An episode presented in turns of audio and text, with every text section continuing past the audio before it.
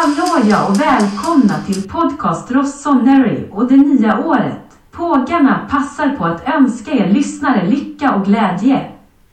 Tack för att ni hänger med oss även 2024. Även till våra nätverk i Svenska fans och Milan Club Svezia. Fullmatat avsnitt, många stenar att vända på så vi bjuder in pågarna och köttar direkt. Ja, Sverige är 3-2 till USA. Ja, Mackan, välkommen. tack. Gurra, välkommen. Tackar. Nu tar han av så här så att han är beredd på nu jävlar i det. Jävlar ska det smälla! Sitter i bara överkropp. Ja. Gott nytt år. Sluta dregla Micke. Ja, jag försöker. Har ni haft en bra jul, ni som har haft barnen hemma? Vadå, vadå, vadå vi som har... Jag har inte, jag har inte grabbar på jul. Ja, men någon gång träffade jag Ja, ja, ja. Men jag fick, jag fick lämna bort honom den 23. Julen är ju mer än bara julafton nu. Ja, det är sant. Men eh, vi firar jul den 22. Lämnade bort honom den 23. Åkte upp och firade jul med mamma den 24. Min dotter är så gammal att det är så tråkigt nästan att ge julklappar för de vill ju bara ha pengar när de har blivit 15 år. Så det är inte så att det är kul och spännande att se liksom deras uttryck när man väl öppnar julklappar. Sitter du inte och tittar på paketen under granen och försöker klämma? Ja, den, den tiden är tyvärr förbi. Väntar på tomten. Den är tyvärr förbi. Min son sa så här, pappa tack så jättemycket för julklapparna. Jag fick grejer som jag inte ens visste att jag ville ha, men som jag ville ha. Och då blev man ändå ganska Ja. nöjd. Och han, ja han är ju mycket väl medveten om vad jag tycker om Milan. Jaså? Och han har ju inte riktigt råd att köpa någon Milan-tröja till mig. För matchtröjor är ganska Ja. dyra nu för tiden. Alldeles för dyrt. Så han gjorde en egen. Oj, Han kul. eh, köpte en vit tisha på lager 157 för 30 spänn och gjorde den själv. Snyggt. Nice. Den, eh, alltså det är coolt. Det är Han lite gjorde märket i ryggen när Champions League Oj, oj, oj, oj, Så varför har du inte den på dig idag? Därför jag lovade att jag skulle inviga den nästa Milan-match. Ja, snyggt. Så jag vågar inte ta den idag. Bra. Snyggt. Det är väluppfostrad Vi har ju kille. spelat sen julafton. Ja men alltså nästa som kommer. Ja, okej. Eh, Nu på söndag. Koppar räknas inte. Eh, lite officiellt först. Vi har ju pratat om det tidigare. Zlatan är tillbaka i Milan. Däremot han är inte i, på Milans officiella hemsida bland management. Nej det är för att han är anställd av Redbird. Med inriktning mot Milan. Så att Ja. han är ju inte anställd av Milan. Snyggt att du förtydligar det. För jag tänkte just eh, outa det. Men det var bra du sa det Mackan. För Det visste jag med. det, det visste jag också. Men jag tänkte våra lyssnare kan inte vara 100% säkra på det. Vi får ju Kolla nu förstör han. Vi hade en bra samspel här. För en gångs skull. Eh, men han är tillbaks efter Miami julsemester med familj. Då vi har egentligen dratt detta så vi kanske ska dra det långbänk. Vi hoppas väl att det ger effekten. Det är väl det vi... Sparkar vi- ner i röven igen. Lite så, men även, även få ihop det här äh, jävla anamma som vi fick i och med att han kom in i truppen eh, förra gången. Men det som vi- vi ska i vår interna köp, det är, vi gillar inte egentligen att han sitter på läktaren. För där är det svårt att gorma på Leao med flera. Fair enough, men jag tror att han blir tillåten att gå ner i omklädningsrummet i pauser. Tror du inte det? jag hoppas verkligen det. Jag hoppas verkligen det. Vem skulle stoppa honom? det Nej. vi, vi ser Nu fram kan, jag, emot... nu kan jag ge Pioli hårtork också. Det hade varit inte riktigt position. Nej, precis. Nu har han ju... Precis, han kan göra precis vad han vill. Hur ska du ge Piol en hårtork? Ja, den är... Man behöver inte ha hår för att få en hårtork. Inte ordagrant. Det värmer bra på flinten. Fair enough, fair enough. Eh, mer officiellt. Vår, vad blir det, vår fjärdemålvakt eh, i Lapo Nava. Han har skrivit nytt kontrakt. Det sträcker sig till eh, 27. Jag har sett jättemycket matcher med honom. ja. Vi, vi, sitter här och jublar. Men till vårt kommande U23-lag kanske. Ja, kan det säkert vara. Annars mer officiellt. Och det är ju vår gamla kompis i Matteo Gabbia. Terminated loan från då Villarreal. Mittback, egen produkt, italienare och allt vad det innebär. Åsikter, är vi nöjda med den lösningen? Är vi tacksamma för att Re- Villarreal erbjöd sig att bryta låneavtalet?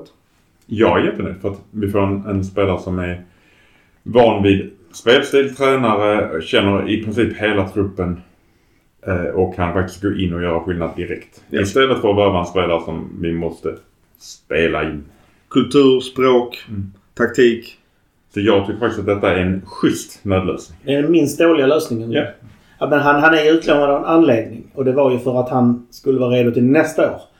Så frågan är vad hösten i Villarreal har gjort med honom. Jag har faktiskt inte sett honom så mycket Han har ju spelat. Han har spelat. Jo, men 14, jag menar- eller 16, 14 match, 16 matcher, 14 på start. eller något sånt Ja. där. Men jag, jag har inte sett så mycket av honom spela. Så jag jag kan... Nej, inte jag heller. Jag, jag ser inte Villarreal, ska jag erkänna. Men det är lite Bonera-resan han har gjort. Så att jag tror att vi har väl en hyfsad kontakt med Villarreal. Eh, jag, jag tror också att detta är en bra lösning. Exakt av anledningen du, du, du sa Mackan plus det jag kompletterar med. Och för det första, han är ju inte skadad. Inte, inte än i alla fall.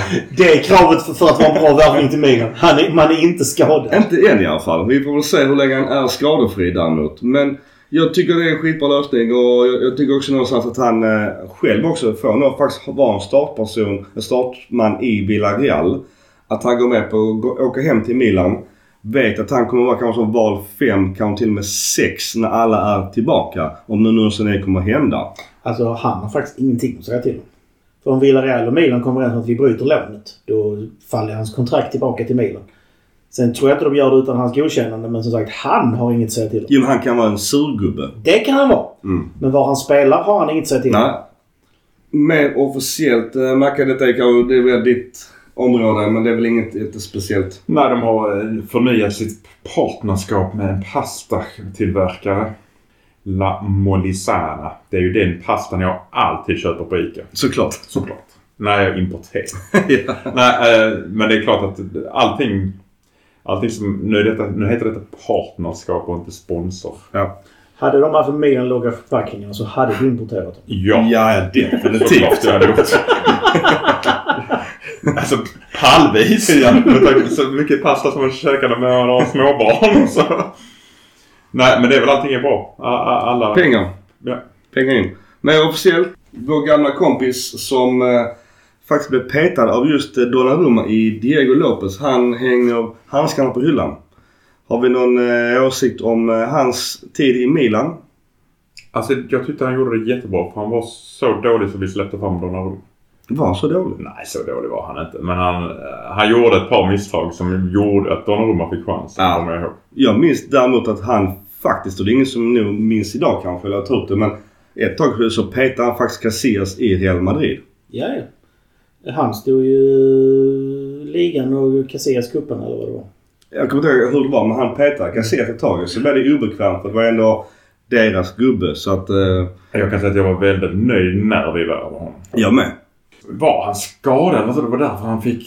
Donnarumma fick chansen. Jag kommer faktiskt inte ihåg det. Jag kommer inte ihåg det. Men men Sinisa då som tyvärr inte är kvar. Han eh, gav ju Donnarumma chansen. Och det är lite också därför jag är lite bitter för att eh, vi släppte ju fram Donnarumma väldigt tidigt. Eh, och visst som jag säger, en annans bröd, annans död.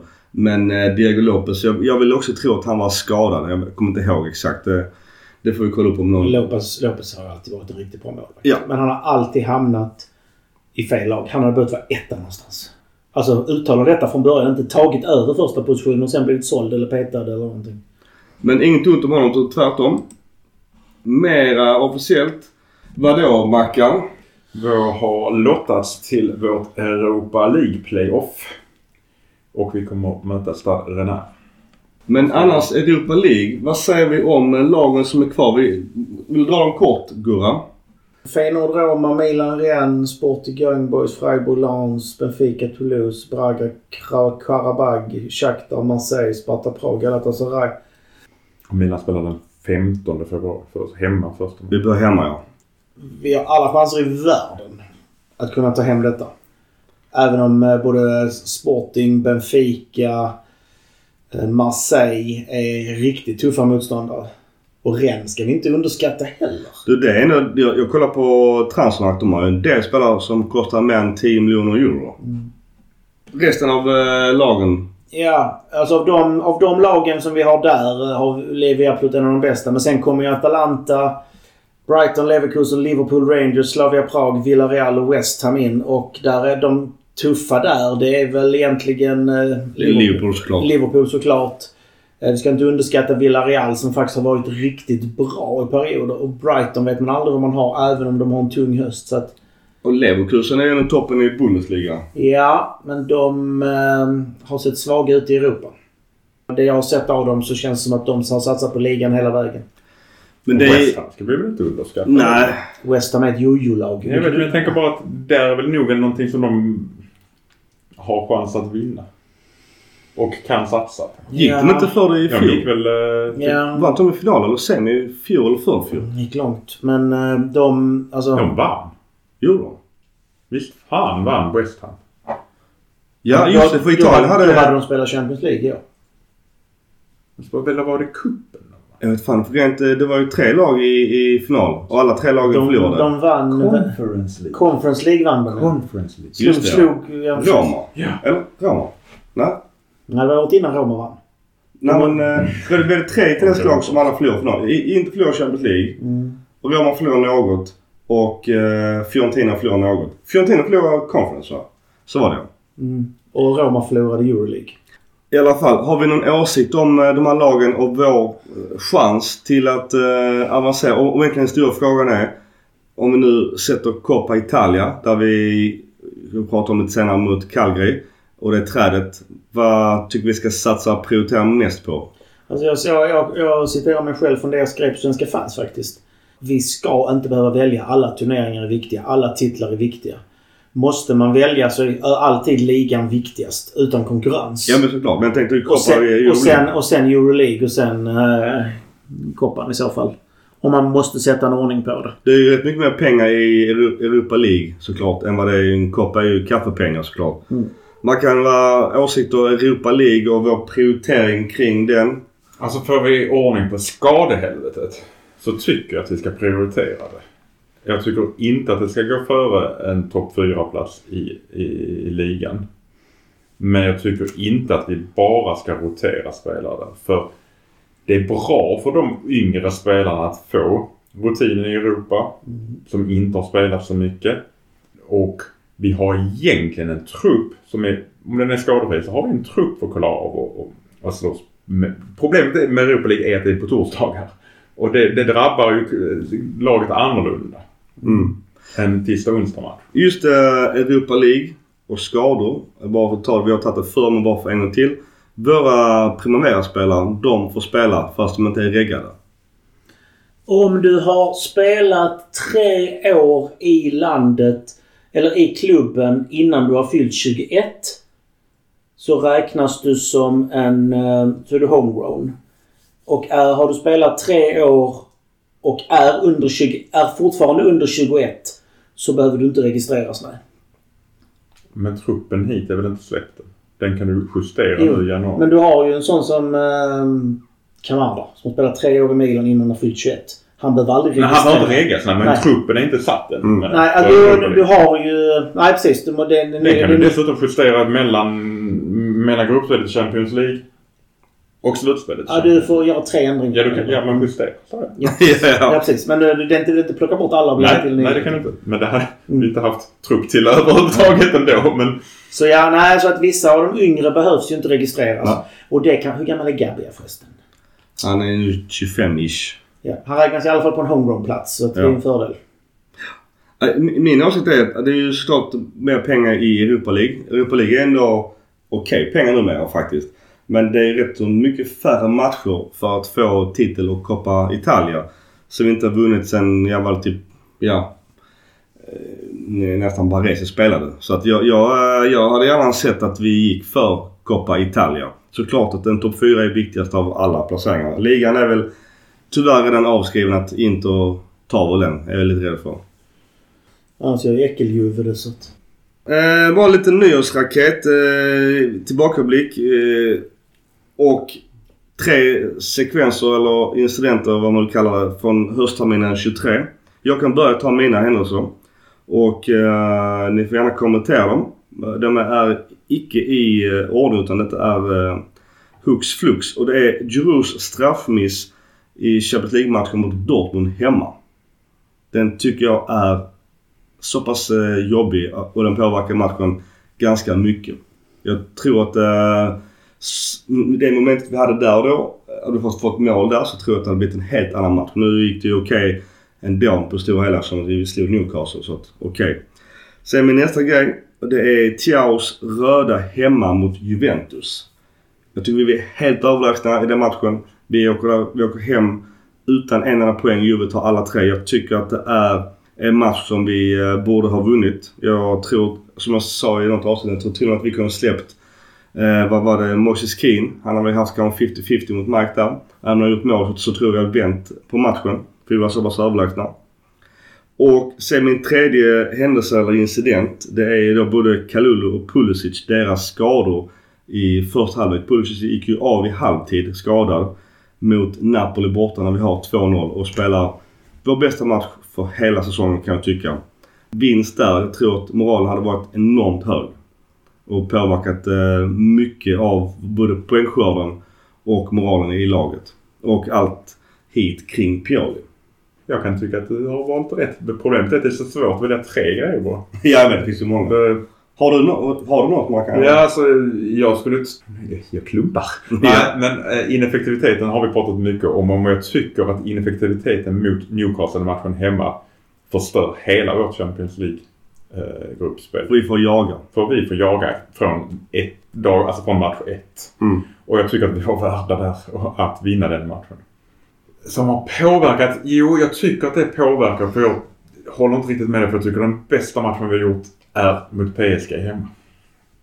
Jag tycker det är den absolut bästa matchen jag har sett mina spelare på extremt länge. För att det är mot så högt och bra motstånd. Och vi lyckas göra precis rätt. Och jag tror inte jag har sett Leao spela så bra någonsin i en match.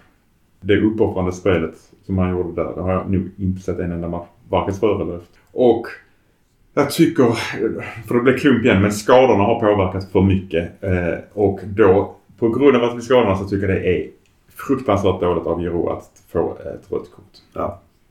Och jag tycker att det påverkar Serie A-spelet efteråt. För att där, där har vi, då har inte Jovic kommit igång. Vi har ingen av dem. Vi får ta in Kamara. Det är ju roligt för honom såklart. Men det hjälper inte. För att det är faktiskt känslofelligt att göra det i den positionen och i den åldern han har. Gurra, har du tre nyårskarameller? Och lite handfallna. Det var ju det här att vi... Att Krunic skulle vara den ledande spelaren den här säsongen och därför gjordes inte ens några funderingar på att ta in någon annan spelare i mittfältet i somras. Och det känner jag att det har vi fått lida lite för. Nu är vi nästan en man kort ibland när det, när det ser ut så. Att det medicinska teamet får fortsätta härja trots att skadorna ser ut som det gör. Tycker jag också har påverkat väldigt mycket. Enskilda spelsekvens. En stor moralhöjare som sagt gav en del poäng. Det var ju när eh, Giro fick gå in och spela målvakt. ja. Den moralboosten. Det hade lika väl kunnat gå åt andra hållet. Sen känner jag att vi lever på marginalerna. Vi är tillbaks där vi var för ett par år sedan. Tre år sedan ungefär. Visst, vi, vi vinner med 1-0 mot Udinese. Men det behövs att Mike Magnan gör en superräddning i matchminut 93. För att vi inte ska få oavgjort. I, I år förlorar vi mot Udinese. Är- Eller vilka var det vi vann med 1-0 mot? Fiorentina? Ja. Ja, där han gör en huvudräddning. Ja. ja, Fiorentina. Det fick menar- Udinese har vunnit två matcher var en är mot oss. Mm. Hemma på San Men Siro. det, är det, det, det känns inte stabilt längre. Vi gör ett mål och sen händer ingenting. Men tror inte att det har att göra med skadorna? Att det. Jo men ändå. Vi, det, är någonting, det är någonting som inte stämmer. Och jag är ju rädd för att Pioli börjar tappa truppen. Den som, det som däremot också känns lite märkligt det är ju att Leao ser ut som han inte vill spela fotboll just nu. Just det här med att tappa truppen, För det vet jag många skribenter på olika forum och ex och liknande gärna vill hävda fast ingen vet någonting om det. Att inför var det Calgary-matchen så gick ju faktiskt eh, Teo och flera spelare ut och sa just där. Vi står bakom Pioli. Ja, vad kan man säga? Nej, nej men det är ändå att de, de, de gör det. Det har de inte gjort tidigare. Nej. Alltså någonstans också för att eh, jag tror också att allt det här stör vi kan, vi, kan, vi kan prata om Pioli sen. Men att... Eh, Men det finns, finns en gammal... det är det är liksom som tyder på spelmässigt att, att Pioli har tappat omklädningsrummet. men det finns ingen... Det, fin, det, det är en sån klassisk gammal trope som säger att eh, när, när, när- när ledningen går ut och talar om att en tränare sitter säkert. Han sitter aldrig så osäkert som Nej, fair enough. Men eh, som jag var inne på, det känns som att Leao inte vill vara på planen. Visst, ah, han gör vissa räder, han gör vissa snygga skott men... Du fick tre grejer. Ja, ja, ja. Ja.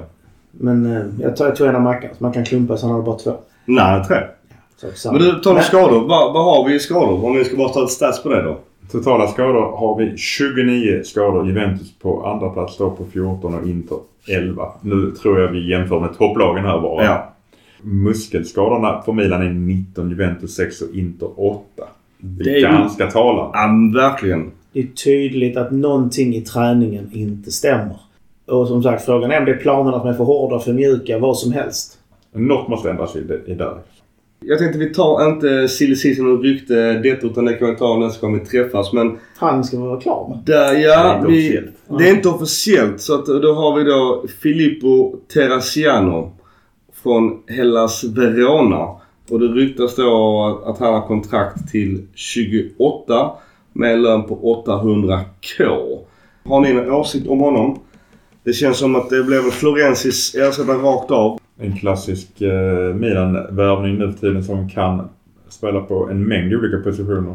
Jag får inte kul. Jag tar till hans YouTube. Han spelar lika mycket vänsterback som högerback. Men han är ju tydligt högerfotad. Den här, den här säsongen, jag kollade upp honom. Uh, han räknas vara en stor talang. Från Verona från början. Väldigt snabb tydligen. 18 matcher. 11 stycken har han spelat hela matcherna. Ett mål, ett gult kort. Han har spelat mittback två matcher. Högerback en match. Högermittfältare sju matcher. Vänsterback fem matcher och vänstermittfältare två matcher. Ja, men det känns som... Är det, är det en Selemakers eh, Florenzi-ersättare som kan spela lite överallt och... Det är ju mer en ny Florenzi. Ja, han var ju inte högerytter i sig. Det var ju Selemakers. Kunde han spela det också. Han, han är 20 år ska sägas. Eh, och då italiensk eh, Det är, väl, U21. det är väl det som är viktigt också Ja. att han är italienare i Ja. och med. För vi lär ju inte behålla Florenzi. Inte med den lönen i alla Nej. fall. Kommer inte. Vi ska ta löner sen. Gurra har, har papper utskrivet. Just hans, eh, jag vet inte om ni minns vår match mot Verona. Jag, jag, jag såg klippen. Vår målvakt, kommer inte ihåg vem som stod det var, men det var Sportiello som gjorde en superräddning på nick ju. Han gör ju det inlägget till den nicken med en högeryttersida. Sjukt snyggt. Så att han har ju en jävla fin högerfot. Eh, jag tycker att hans tacklingar är jätteintressanta och det gäller någon som bara så cementera var han ska spela. För att jag tror aldrig att det är bra att just flytta runt så pass mycket i position. Utan ska han peta Calabria eller ska han vara en backup till Teo? Eller ska en backup till allihopa då? Eller så är han en värvad som en truppspelare som Ja. kan ta och lösa det mest eh, habilt som eh, vår gode vän Gustav brukar kalla. Alltså du kan inte säga att det inte är bra att glida runt på. Magnus Erlingmark byggde en hel karriär på att kunna spela överallt på hela planen. sant, sant. Och han var aldrig dålig någonstans. Det snackas om fem millar eh, vilket innebär då att han, nu, nu hoppar jag långt i förväg här men han Jiménez vi har lånat från Madrid. Eller om någon har lånat eller köpt honom. Han är också en klausul vi kan köpa loss för fem. Blockar det, denna värvningen den eventuella... Så nej, det gör det inte. Det Jimenez är... Köper vi en vänster, alltså det har varit mycket snack om eh, Miranda. Ja. Köper vi honom och Jimenez, då börjar jag undra, eh, ska vi sälja Hernandez? Ja usch. Usch ja. Det blir en annan. då har du många på vänster. Ja, eh, lite för många. Och sen får Jiménez är väl egentligen högerback. Han, du, Han har väl varit... Det lilla jag har läst om honom har han spelat mest vänsterback. Men jag, jag kan säga att jag har sett jättemycket av honom innan, jag, innan inhoppet i. Nej. Alltså. Eller spelet i Copan. Men du, på tal om eh, Florenzi. Löner Gurra. Vi hoppar rätt in i dina löner. Vad har du för löner på Florenzi med flera? Och detta är alltså lön brutto netto. brutto. Detta är vad det kostar mig. Jag kan börja med min lista för det är egentligen mest intressant. Och det är de som har kontrakt som går ut 24. Jag tar bara namn och så kan någon annan ta siffrorna. Och eh, det är då Caldara, världens sämsta värvning tyvärr. Luka Jovic, Simon Kjær, Mirante, eh, Ceroli, eh, unge mittfältaren. Och unge backen i Simic. Det är redan snack om att han ska ha nytt kontrakt. De har ju utgående till sommaren. Och jag misstänker att de två sista... Jag tror alla kommer att bli förlängda utom Caldara har jag väldigt svårt att tänka mig. Jag tror att alla andra kommer att få i alla fall ett år och de unga grabbarna kommer att få förhoppningsvis fyra, fem till och med. Vet, vet vi att Florenzi lämnar? Han har kontrakt till 25. Ja, det är en bra fråga. Men... Eh, Caldara tjänar just nu 4 miljoner eh, 70 000 euro om året. så den är skön att slippa. Den får han slippa. Luka Jovic 3,2. Å andra sidan, fortsätter han som han har gjort kan man mycket väl säga. Jag kan mycket väl tänka mig en förlängning på den. Att ha honom som tvåa, trea i anfallet. Vi ska prata han sen, men jag håller med. Eh, Simon Kjær. Mhm, den är frågan. Han tjänar 1,9 i nuläget. Skulle han eh, kunna hålla ut ett år till och vara mentor till de unga? Absolut. Kanske gå ner lite lön. Ja. Mirante tjänar 1,3. Också kunna, alltså som backup. Han gör, gör ju det ändå okej när han spelar. Nej, han var bra Han senare. var riktigt bra Ja. Ja. Kevin Ceroli, ja alltså det är ju ett ungdomskontrakt. Det kommer ju förlängas om vi vill ha kvar honom. Så att, uh, ungdomskontrakten i Milan är på 13 250 euro uh, om året. Och det har alltså Simic. Så, Ja. så ni vet om det. Ja. Han har alltså det och han spelar A-lagsfotboll med Ja. Milan. Det lär nog skrivas nytt Det är där nu kontrakt. skrivet ett nytt kontrakt men det är lite roligt. Han får nog nolla till. Ja. Men sjuka är att Milan skulle kunna tappa honom med tanke på hur enorm talang han är. Ja. Och jag, jag tycker jag ser mycket potential i Simic. Jag tror det kan vara en framtida storback. Andra som vi troligtvis tappar där det är ju Charles de Ketelaere på 3,2. Vi har kontrakt med honom till 2027 egentligen. Mm. Men om, om de köper loss honom så sparar vi in de pengarna ju. Och även en sån... Och så, sen ska vi lägga till att vi har en Origi som tjänar 5,1. Men då, om du tar de, de fem, sex som, som tjänar mest. Vilka är då? Vad, vad tjänar de? Rafael Leao tjänar 8,9... Ja, nu, nu avrundar jag lite. 8,9 miljoner euro om året. Benazer 7, eh, 7 miljoner. Florenzi 5,56. Theo Hernandez 5,13. Ruben Loftus-Cheek 5,13. Chukwueze 5,13. Pulisic 5,13. Origi 5,13. Giroud 4,49. Tomori 4,45. Vi får nämna detta igen. Detta är vad det kostar Milan. Ja. Ja. Detta är inte vad spelarna tjänar. För att vad, det ska vi prata om lite senare. Men vad spelarna tjänar här Mm. beror lite på var de kommer ifrån. Ja, precis. Och det utvecklar du sen. Det ska vi utveckla sen för det kommer dessutom ändras under nästa år. Eller under Du, det kommer bli en jävla deal. Så det är lite- och en ja. game changer för Mm. hela Serie A. Och vi kommer ju i Serie A kommer hamna tillbaka på stenåldern. Om det stämmer. Mm. Men det, vi tar det senare ja. Intressant här. Gabbia 1,4 till exempel. Sälemakers 1,28. Försvinner nog antagligen också. Så att eh, ja, det är lite blandad kompott. Men vi har ju mycket lägre... Alltså det har ju lönestrukturen sen jag började komma in här sen, så har den ju sänkts rätt rejält känner jag. ja Maldini och Massa har gjort ett bra jobb. Ja. Och det är långa kontrakt på bra spelare. Det är väl Mikes kontrakt som är mest akut att omförhandla just nu. Mike det, Magnon tjänar 3,65 miljoner euro. och går ut 26. Och, ja, och han kan få tre, fyra gånger så mycket om han går till en större klubb. Ja. Eller en rikare klubb, fast större klubb finns inte. Bayern München ryktas ju...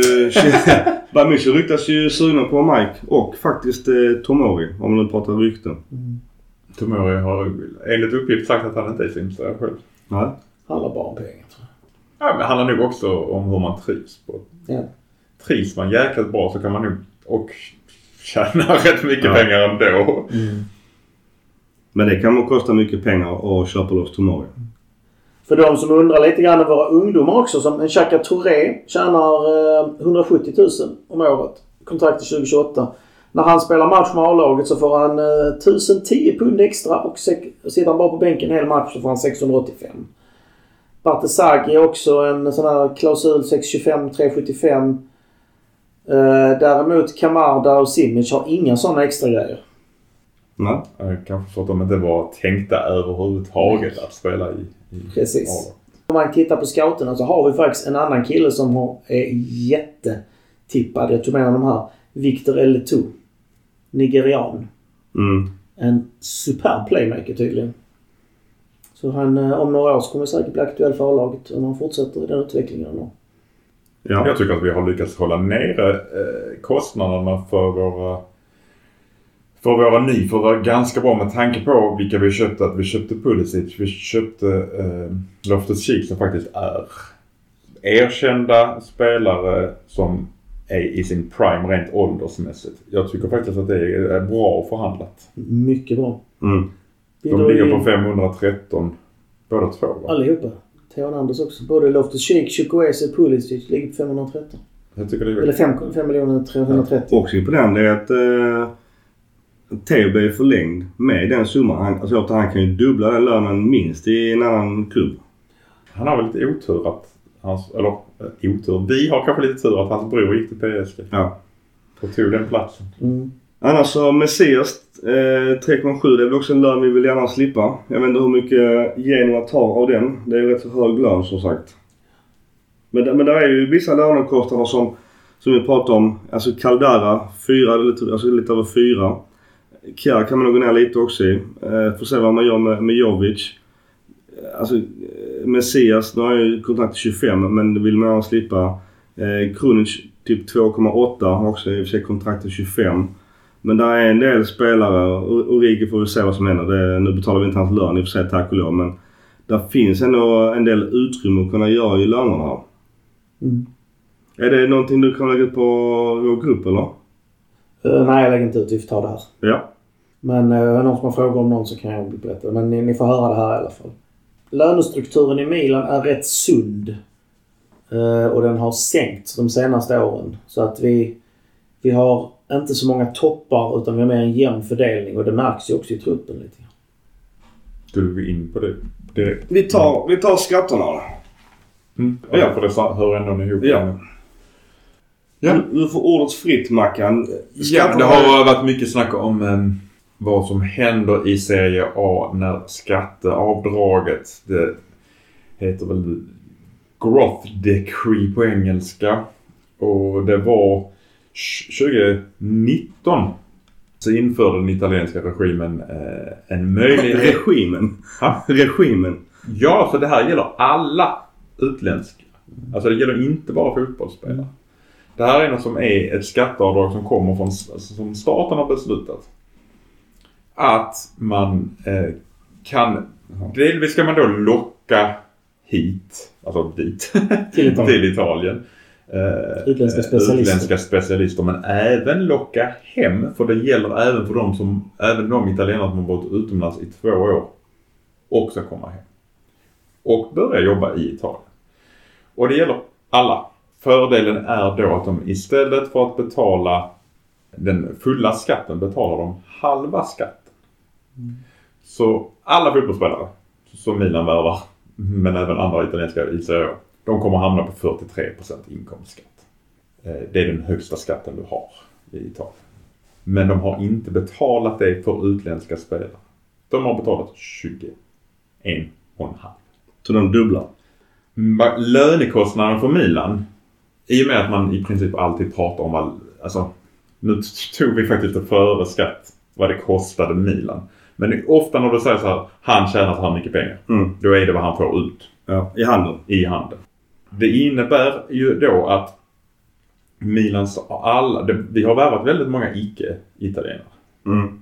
Vi har kunnat erbjuda dem en högre lön. Men inte betala oss högre eh, lönekostnad för. På grund av att vi har inte behövt betala mer än 21,5% i skatt. Ska det tilläggas här att det gäller inte gällande kontrakt utan det är nya kontrakt som tecknas efter 1 januari. Det har inte försvunnit för Milan, nej. Nej men de som fortfarande har, sitter på Ja, kontrakt. de som sitter på det gäller. Man, kan inte, man får inte ändra regler på... De ändrar inte befintliga Det kontrakt. finns kontrakt ändras inte utan det handlar ju då om, om när vi ska, om vi ska värva i januari och vi värvar utanför Italien. Då måste, eller inte utanför Italien för det gäller även i Italien. Mm. Det är bara det att vi har haft en fördel att värva utanför Italien innan eh, i, i Italien för att du slipper betala. Om, vi, om Milan vill värva en italiensk inhemsk spelare. Då har han 43 procent. Så det spelar ingen roll. hela den här grejen var att du skulle locka. Så hade vi valt att eh, lägga pengar på Verratti Mm. och värva hem honom. Då har han varit utomlands så länge att vi skulle få det fram till och med januari eller första januari 2023. Då hade han också hjälpt med de reglerna trots att han är italienare för att han har varit utomlands minst två år. Och det är rätt stora summor när du pratar eftersom vi vet vad Leo tjänar. Eller kostar Milan. Mm. Skulle han ha ut samma hade vi helt plötsligt så punga upp med ungefär ja, 200 000 euro till nästan. Det är rätt mycket pengar. Det ska också sägas, jag läste, eller jag såg ett inslag om det här. Det är inget officiellt men det jobbas på ett sportundantag i högsta ligorna. För problemet med den här lagen är att den har missbrukats i privata sektorn. Rätt rejält tydligen. Det är ingenting är klart, ingenting är fixat men det Fast finns... italienska fotbollsförbundet har gått ut och sagt att det här har missgynnat utvecklingen av italienska talanger. De har fel, men, men, men, men de, de tycker det. För att då har man valt att värva spelare utomlands. Man har räknat ut att av all speltid i Serie A så har 66,25% varit utländska spelare. Och det har då inte gynnat utvecklingen på italienska spelare, menar man. Mm. Jag tycker att det är fel. För jag tycker att får du in bättre spelare utifrån så gynnar det talangerna för att då måste de vara bättre. Helt rätt. Det är bara att se. Milan har ju egentligen bara haft stort, ibland bara Calabria som italienare. Och man ser ofta gamla bilder då från både Capelli och Sakis tid där det egentligen bara var italienare och, och typ tre holländare och eh, typ Desai, kanske Bobban. Så jag, jag kan förstå det här nostal nostalgiska i det hela. Men det är, kommer ju vara katastrof för Serie A. Den kommer funka som en sten. Alltså det blir ju stenålder igen nu. Så att jag menar, då, får, då kommer ju det bli en plantskola till de andra tre större ligorna. Eller så får våra scouter vara ännu bättre. Men tänker, om, om, all, allting handlar ju alltid om hur kommer man runt detta? Kan man då ha någon jävla pissig samarbetsklubb i Saudi någonstans som täcker lönerna och sen lånar ut spelare till Milan? Eller på ett annat sätt? Man kan komma runt delvis men där gäller Financial Fair Play om man ska delta i eh, Uefas turneringar också. Vi har ju en Red Burr som ägare. De kan köpa en jävla massa spelartid i någon jävla pissig New York-klubb. Så sätter man kontrakt och skatter där. Och sen bara, ja men ni lånar oss ut till Milan. Kan man göra en sån variant? Där finns möjligheter men det... det Uefa undersöker det också. Det är precis som privata sponsoravtal. Alltså det finns tusen vägar runt det men det påverkar fortfarande Financial Fair Play. Ja, för det är lite som man säger. Detta är ju no true story men Mikael Lustig då, en jävligt skön snubbe som jag träffat i Skottland by the way. Eh, När jag fick, jag fick köpa biljett till honom till ett Glasgow Derby. Men ja, sidospår. Han fick ju en lön av AIK på 1000 kronor i månaden. 1000 kronor i månaden eller 1000 kronor i veckan. Men då har han ju såklart fått en fet jävla sign-on bonus. Frågan är hur, hur det funkar i, i Serie A. Om man kan komma runt så att du får... Lite så gör man ju, gör man ju i Sverige. Du får en klump här för att kunna Jag trixa vet med inte vad de skatter. har för skatter, skatter på sign-on-bonusen. Det vet jag faktiskt är skattepliktigt det också. Precis som Det måste vara skattepliktigt men frågan är om det ligger, ligger de på Ja. toppen så kan du ändå justera För då, då kan du trixa med siffrorna. Är det på 21% så... Du, här har du hela jävla lönen nu och sen får du en Mikael Lustig-lön i månaden. Problemet du har då är att eh, den, den dagen du vill sälja den spelaren så har han fått sin lön för fem års kontraktet. Ja. Mm. Mm. Och du har... Du kan inte tjäna pengar på att bli av med honom så att säga. får göra som han eh, japanen som blev köpt av, var det Yankees? Eller Dodgers eller vilka var det nu? Har ni, har ni hört om det kontraktet? Ja. Han skulle få 18 miljarder eller vad. Ja, det var helt sjuka summor. Men han tar inte ut, nästan ut någonting under kontraktstiden och sen har han så han ska få det utbetalt efter kontraktstiden. Okej. Just för att det ska påverka lönetaket. Alltså så tricks. Alltså jag, jag förutsätter att äh, återigen Redbird och andra ägare kommer att göra allt för att detta inte kommer påverka klubbarna. För det är ju dödsstöten för Serie A. Alltså för Milans del som sagt var som jag var inne på innan. Det svåra är nu att förlänga kontraktet med icke-italienska spelare. Ja. För vad vill Mike ha? Lägre lön. Nej. Och höjer vi hans lön så kommer vi få betala mycket mer. Jag tänkte på bonusar och sånt. Är, är det samma då? Är det samma? Jag vet faktiskt inte hur bonusarna skattas i Italien. Det bör det vara. Det är ju en lönekostnad det också. Ja, för det här nu handlar ju allting om just det här kringgå regelverket som alltid när sånt här dyker upp ju. Om du hade haft lägre lön på bonusar, eller lägre skatt på bonusar, då hade du ju sett det redan långt i förväg. Att bonusarna ligger mycket högre än lönerna. Det hade man ju redan utnyttjat för länge sedan. Mm. Men jag tycker jag har att, eh, kan jag som inte har sett eh, saker och ting i media men jag tycker jag har ganska lite ståhej kring det här. Detta borde ju vara, det är ju en game changer så att det borde ju vara liv i luckan om man säger så. I Italien har det varit rätt mycket livlucka. Har det? Ja för här i Sverige är det liksom ingen som har örat mot marken i Sverige. Jag vet inte, det kanske är nu när inte Zlatan spelar längre i Serie A att, att det är ingen som har örat på, till marken. Alltså än så länge har det inte drabbat någon. I och med att de befintliga kontrakten inte påverkas. Ja. Det kommer nog märkas i januari vilka spelare som värvas till exempel. Och vilka har Milan börjat hå- hålla ögonen på? Det är ju framförallt italienska spelare helt plötsligt. Okej, men, men de har fortfarande då 41 procent. Italienska, ja, ja. ja. Då har du Då värvar man yngre spelare från Italien för att få det komma ner i löner. Ja men som han sa nu här med han spelarna är ju det är mycket lägre löner. Det är det det handlar om nu. Och då, då blir det ju en andrahandssortering och då blir det ju återigen en plantskola. Ja, scouterna blir väl ännu viktigare. Det är också kanske därför Milan nu vill satsa mer på sitt U23-lag.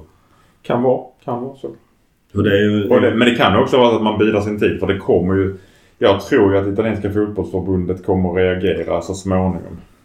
Ja, Sverige ligger under 6-2 hockey. Matchen är slut. Vi Är det förlorar- slut? Vi förlorar med 6-2. Ah, ja, tråkigt. ännu mer dåliga nyheter. Åsikter Gurra om detta eller någon eh, spekulation? Serie A måste ändå börja omsätta mer pengar så att frågan är hur... Alltså, det kommer att påverka. Frågan är hur mycket. Jag, jag är inte så lika mycket domedagsprofet som du är Micke när det gäller detta utan jag tror att det, det kommer ge ett visst utslag men inte så att det sänker den italienska fotbollen fullständigt. Det finns ju kritikerna till detta som menar på att, att klubbarna har levt på konstgjord andning. Och man därför inte har behövt göra en egen arena. För att de Mm. helt plötsligt har haft fördelar på andra sätt. Men då får man fan ta med bli rätt mycket mer givmilda med att lossa byråkratin kring just arenabygge. För att det, man kan inte bara så lägga på dubbel skatt och sen på fitta med sin byråkrati. Nej men detta, detta, detta måste lösas. Så jag håller med. Om du tar ena handen får du med den andra handen någonting. Ja. Vad jag läste, sydeuropeisk byråkrati det, det är som att liksom försöka spela pingis i en storm. Alltså det, det, det, det, det är nästan helt omöjligt att få grepp om. Ja. Om, om, om du inte betalar enorma pengar, summor pengar under bordet. Ja, inte ens Berlusconi lyckades bygga en ny arena så Nej. det säger väl en hel del om det.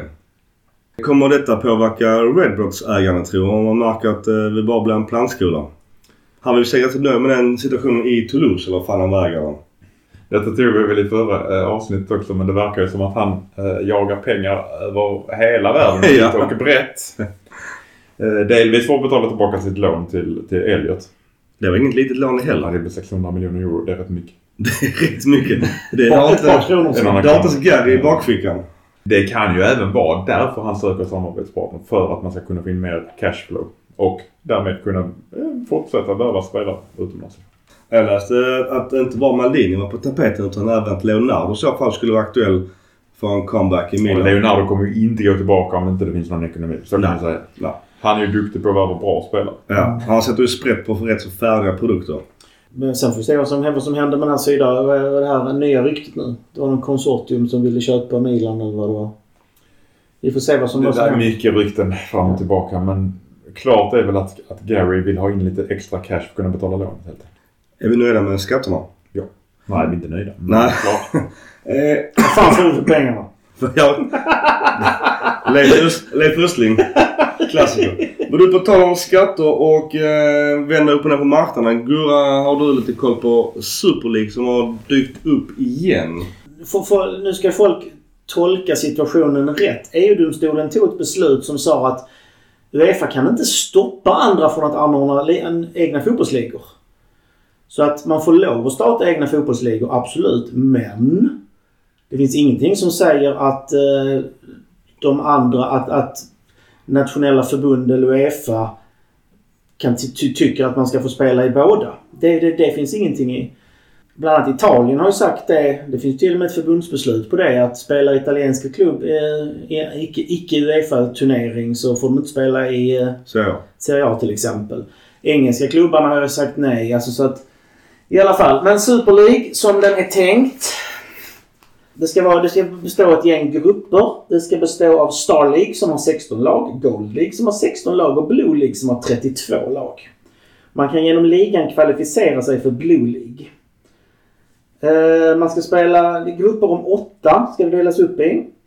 Och minst 14 matcher per säsong plus slutspel i varje liga. Så minst eh, 16 till 18 matcher. Det är ganska många matcher. Japp. Och de hävdar att det ska inte påverka nationella seriesystemet och cuper. Tjena. Mm, eller hur? Lägsta ligan kan man bara upp, uh, uppnå med lag och man kan bara ge, åka ut genom att komma sist i den, typ. Eh, det är alltså, om man läser mellan raderna så är det ett system som är uppbyggt för att de största klubbarna aldrig ska kunna missa att spela i Europa varje år. Mm. Lite USA-varianten. Ja, ja, ja. Om, om det här fastnar, får de få med sig alla klubbarna, så är det första steget mot ett eh, europeisk, eh, eller ett, eh, ett europeiskt MLS. För att helt plötsligt så kan Real Madrid komma 10 i ligan ett år. Men de kom ju tvåa i sin grupp i, i Super League året innan, så de får vara med nästa år också. Ligaprestationerna blir mindre och mindre viktiga. Lite som NHL. De som kan följa det bättre. För MLS tror inte folk har koll på. All amerikansk proffsidrott, man, Ja. kan, man kan inte åka ut. Det här, det här är ett system, ja de säger att man kan åka ut. Men i teorin kan du inte det om du är bland de Du missar ett slutspel. Du kan missa ett slutspel och då missar du eh, 4-5 matcher men du har fortfarande spelat 14 matcher. Mm. Det, här, alltså det handlar bara om att Real och Juve och några till ska kunna fortsätta leva över sina tillgångar. Ja, Barca. Det är väl Och Barca, ja. Synd att de tre som har gått i bräschen för detta. ja. Så Super League, absolut, de får lov att göra, göra det. Men om Juve går med där, då slipper vi dem i Serie A. Ja, frågar man dem hur de tänker där. Jag hade inte sagt nej till att slippa Det hade varit fuska. jätteskönt. Men uh, ja, det måste vara mycket pengar för att det ska vara värt det. Och hur mycket pengar får de in när de tyska och engelska klubbarna inte vill vara med? Nej. De italienska troligtvis inte kommer vara med.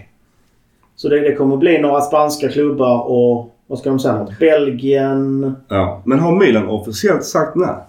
De har inte sagt någonting. Nej, jag har också för mig att de inte har gjort det. Och det är också så av vilken anledning då. Alltså jag fattar återigen, Gary är nog inte helt främmande för detta.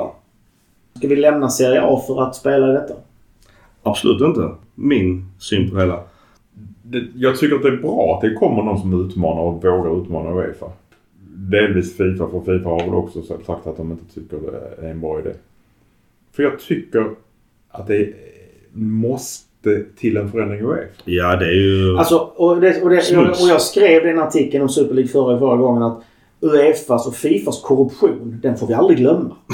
Och, och hur det går till där. Ganska påtaglig. Men vi kan... Jo, precis. Men två fel blir inte ett rätt. Nej, nej. Alltså jag säger inte att detta så- är lösningen. Men jag tycker Nej. det är bra att det kommer någonting Ja. som hela tiden utmanar. Jag menar, det har ju redan gjorts gigantiska ändringar i Champions League som jag kommer att redovisa för alldeles strax här sen. Och nästa. där har jag bara läst innan du börjar den förändringen. Mm. Att den helt plötsligt kan Uefa tänka sig att ta bort och fortsätta som vanligt. För Okej, att alltså. det är väldigt mycket kritik. Ja, ja, så den har, den har sina brister. Ni ska få reda på det sen. där är fler matcher och Ja. klubbarna gillar inte det. Men du ska få ta den sen. Mm. Men, men jag har läst att... Men tror inte bara att det är en, en ovana att de har gjort det mera som en form av seriespelsvariant? Alltså, de har gått tillbaka lite va? Nick, eller Gustav ska få gå igenom innan vi börjar diskutera det kanske. Är du klar med Super League? Eller är det Ja, alltså det finns inte mycket mer att säga. Utan får de, med- de- vill alltså skapa ett system där de själva alltid sitter säkra. Ja, och förklara dig För själv. skulle de komma sist i högsta gruppen så hamnar de i nästa grupp där de får möta en mellanlag. Och skulle de komma sist i den så får de möta skrafset som blir inkvoterat från skitligor. Och, och, och lyckas de åka ur där, det, då, då, då får någon skjuta dem allihopa i knäna i matcherna liksom. Vet vi, alltså, vet vi om det här är begränsat till Europa? Den- Denna tanke? Eh, initialt skulle det vara det ja. Det är Saudi Saudi är inte med än. Nej. Nej. Jag bara tänker att visst, för man har ju hört i England att de inte gillar vad Saudiaraberna gör. Och att det då helt plötsligt om det börjar sugas ut ännu mer stjärnor från England att de börjar kanske vända vinden där också och tycka att vi tjänar för lite pengar. Och då- Spelarna, eller? Nej, alltså som klubb. Klubb. Alltså ligon och klubbarna. Att vi blir av med våra bästa spelare till, till Saudiarabien. Men det är inte så jätte... Alltså om du tittar vilka som har gått till Saudi. Ja, det är några, några fixstjärnor och några breddspelare. Men det är inte en massflykt av superstjärnor. Jag tänker också under en längre period. Ja, Alltså ja. om du nu, om du, Saudiarabien nu fortsätter satsa som de gjorde i somras. Mm. Och de gör det under tre, fyra år. Mm. Att det kanske blir enklare att få med de engelska klubbarna i någon sån tanke då. För då helt plötsligt måste du få in mer pengar helt enkelt. Ja. Men jag undrar någonstans hur stort eh, ligan är. Vad är det Saudi, Qatar? För jag menar Neymar gick ju dit för stora pengar.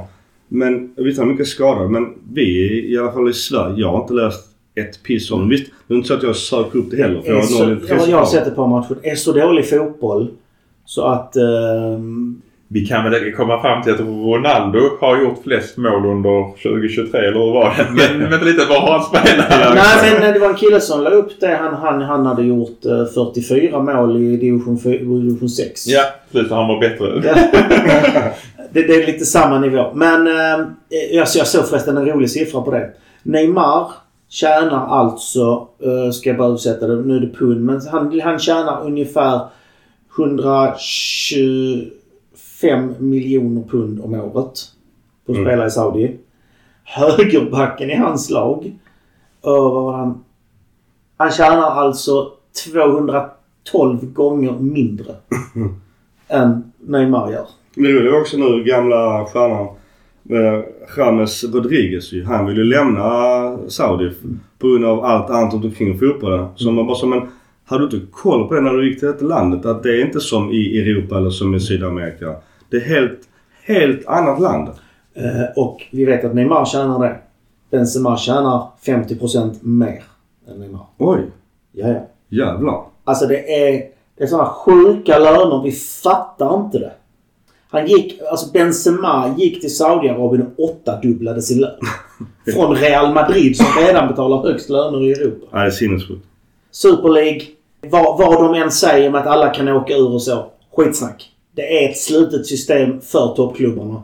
Även om man maskerar det i en ligamodell. Men frågan är vilka lag då som skulle hoppa på tåget och vilka lag ska ändå vara med i den här ligan för att det ska vara attraktivt att ens trycka på startknappen? Ja. Alltså Ju- Juve, Madrid och Barca. Absolut. De tre topplag med stora fanbase. Absolut. Men du kanske inte så. Hej nu ska vi möta Club Brygge. Kanske Boca Juniors. Och något japanskt eh, Yakinao-lag. Partisan Belgrad och Ja, alltså Al det, Hilal. och- ja, alltså det kommer inte dra jättemånga TV-siffror. Men efter, eftersom Serie A har gjort det beslutet och jag är re- Premier League har också tagit något policybeslut. Tys, tyska lagen har tagit, har sagt kamma er. Ja, tyskar har varit väldigt Och jag tydliga. tror tyska ligan också har sagt något liknande beslut. Så jag är också lite där. Vilka klubbar ska de ha med? Det här domen som kom nu handlar ju om att Uefa inte får eh, utesluta någon. Nej, nej. Eller att Uefa inte Nej, måste... det- jo, eller, nej. Det handlar om att vem som helst får lov att starta en fotbollsliga. Det är det som har prövats. För att Uefa sa att de inte fick det. Ja. Det skulle kunna prövas igen att den här italienska fotbollsförbundet har inte rätt att säga att man inte får vara med i två ligor. Men det kan Fast- man men det är en internt beslut. Som alla som italienska... Alltså det det är ett demok- demokratiskt beslut i italienska fotbollsligan. Mm. Så ja, ett, ny, ett nya, nytt årsmötesbeslut i italienska ligan där man säger att ja, man får spela. Alltså, det Ja, finns ju en jag- demokratisk process. Ja, jag är med. D- Därför tycker jag att ännu mer att det här är helt rätt ur juridisk synpunkt. För vad, vem fan är Uefa till att bestämma att man Nej, nej. ja, liga? Varför ska man monopola på det? Ja. Helt med. Jag, har inte problem med detta beslutet. Problemet är hur alla tolkar detta beslutet. När det kommer sånt, det är klart att den här, vad de nu hette, AT, Ja, något sånt. att de går ut på stora trumman direkt. Det hade jag ju också gjort om man vill ha en sån liga. Mm. Men eh, som sagt jag, jag vill inte ha den ligan. Jag, men jag tycker att det är bra att, att Uefa och Fifa utmanas. Det pushar Uefa och Fifa till någonting annat än bara att de sitter på sin, sin jävla korrupta röv och gör typ det de alltid gjort ju. Tjäna pengar. Ja, på ett sätt som inte är... Ja, nu, nu vågar jag knappt säga någonting så att man inte som har FBI, Interpol på i trappuppgången imorgon. Men, men det är ju mycket rök kring Uefa och Fifa. Och dokumenterat också. Eh, saker och ting som inte är på rätt sida av juridiken. Ja, alltså de är kräk. Men vi har fortfarande vår fotboll. Vi har fortfarande ett seriesystem. Vi har fortfarande en rörelse mellan spelare. Sen att de lägger VM på Hallabaloo och sprider ut EM-turneringar. Ja, okej, det är piss. Men än så länge är vår fotboll inte förstörd. Det här hade varit första steget till att förstöra den fotbollen vi känner. Ja, de har rätt att starta en fotbollsliga. Men jag är glad att så många klubbar faktiskt har tagit avstånd. I England var det ju fansuppror. Fullständigt. Ja. att, eh, och utan, utan de engelska klubbarna så har de inte ekonomi. Okej, men om vi glider över på Champions League som också då enligt... Eh, ska ändras. Du ligger framstupa med huvudet ner bakom soffan, rumpan i vädret och försöker hitta en ljusknapp. Jag ska ta foto och lägga ut i vår... Det kan vi i och för sig göra. Stick ner huvudet där igen. Eh, vad fan var denna lampa? Vad fan jag... Det blir lysa med ficklampa. Nej, nej, jag, jag tror jag fick en bra bild på det. Nej men alltså på papperna om vi ska fortsätta. Ja, nej, jag löser det. Jag tror- tänkte bara det var att trycka på en knapp. Men jag är... Jag håller med dig. Ju äldre jag blir desto... Men den tar vi lägger upp direkt. Ska jag lägga upp en bild på dig Micke? Den, den, den, den, den lilla istället. Ja, Jag lägger upp en bild på dig Micke. Han frågar gärna om lov. Han frågar gärna om lov. Han har inte sagt nej. Han bjuder på. Yes, nu när vi går in i den 70 säsongen med Europafotboll, Europacupfotboll och den 33 Champions League-säsongen så ska hela Champions League göras om. Och detta var ju för på önskemål, och det är det här som är helt sjukt. Det här var, alltså det här var eftersom efter just Real, Juve, Barca och några till ställde krav på att de ville ha lite mer europeisk fotboll. Så gjorde de om hela Champions League. Och kommer nu Lennart Johansson vrida sig i graven eller hur? Så illa är det inte. Nej. Jag, jag tycker fortfarande nuvarande system är bättre. Men det här är inget dåligt system. Och då är det som så här. 83 lag från 55 länder kommer att ingå i... Äh, inte, hör mig ut. Kom- Kommer då att äh, vara med i turneringen. Eh, det är en lagranking. Eh, och alla är med utom äh, Liechtenstein och Ryssland. Nej men det är bra. Jag, jag vet inte varför Liechtenstein är utplockat. men det står överallt så. Asterix, ej Liechtenstein. Asterix, ej Liechtenstein. Ja. Mm. De kanske också är Ukraina. Har de kanske inget uh, ordentligt ligaspel? Kan det vara. Eller de ingår och spelar i något annat lands liga. Ja, sånt. det det menar. Att, eh, Men, då, men då borde det stått ej San Marino, ej Monaco. Ja, skitsamma. Det bygger på en lagranking ranking på eh, koefficient, landkoefficienten beroende på hur lagen har presterat i Europaspel. Och det är så att land 1 till 5 kommer ha med fyra lag. Eh, land 6 har tre lag. 7 till 15 två lag och 16 till 55 har ett lag. Då är Liechtenstein och Ryssland. Jag två som dricker kommer sen. Men det kommer vara ske en väldigt massa kval. Sen går 36 lag vidare till själva gruppspelet, om vi kallar det för det. Så vi, I gruppspelet har vi 36 lag. vet vi om de stora ligorna fortfarande garanterade platser som det är nu eller?